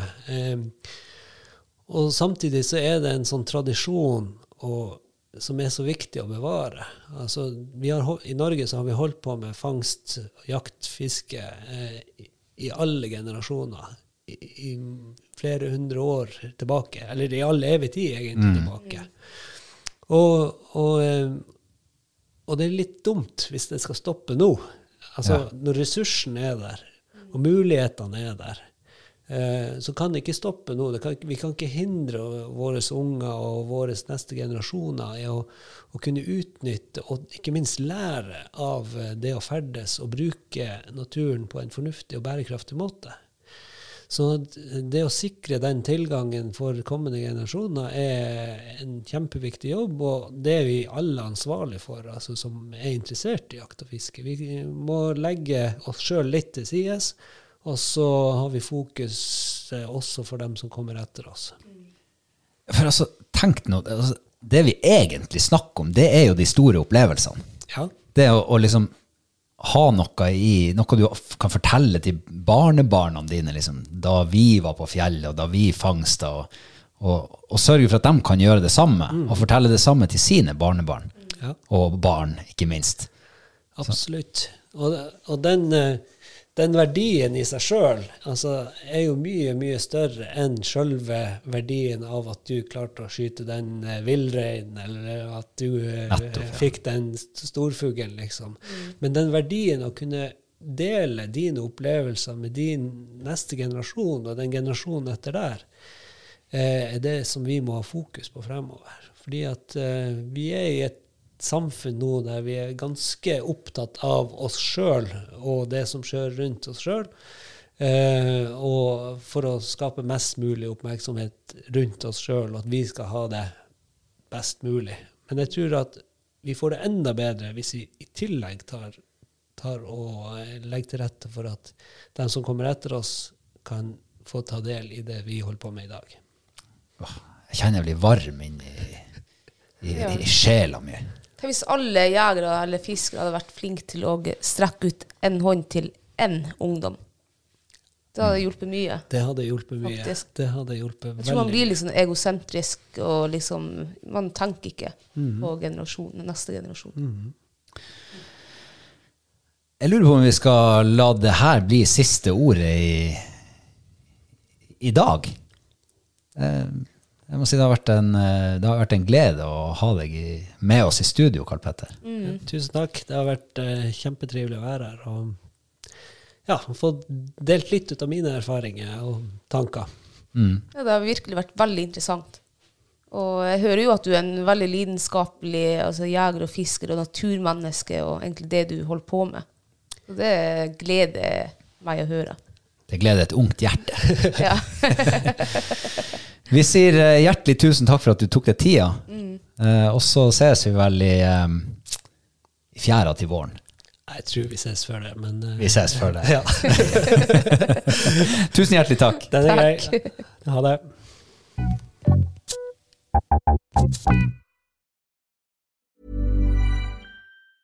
Ever catch yourself eating the same flavorless dinner three days in a row? Dreaming of something better? Well, HelloFresh is your guilt-free dream come true, baby. It's me, Gigi Palmer. Let's wake up those taste buds with hot, juicy pecan-crusted chicken or garlic butter shrimp scampi. Mm. Hello Fresh. Stop dreaming of all the delicious possibilities and dig in at HelloFresh.com. Let's get this dinner party started. Hey, it's Paige DeSorbo from Giggly Squad. High quality fashion without the price tag. Say hello to Quince. I'm snagging high-end essentials like cozy cashmere sweaters, sleek leather jackets, fine jewelry, and so much more. With Quince being 50 to 80% less than similar brands. And they partner with factories that prioritize safe, ethical, and responsible manufacturing. I love that. Luxury quality within reach. Go to quince.com slash style to get free shipping and 365 day returns on your next order. Quince.com slash style.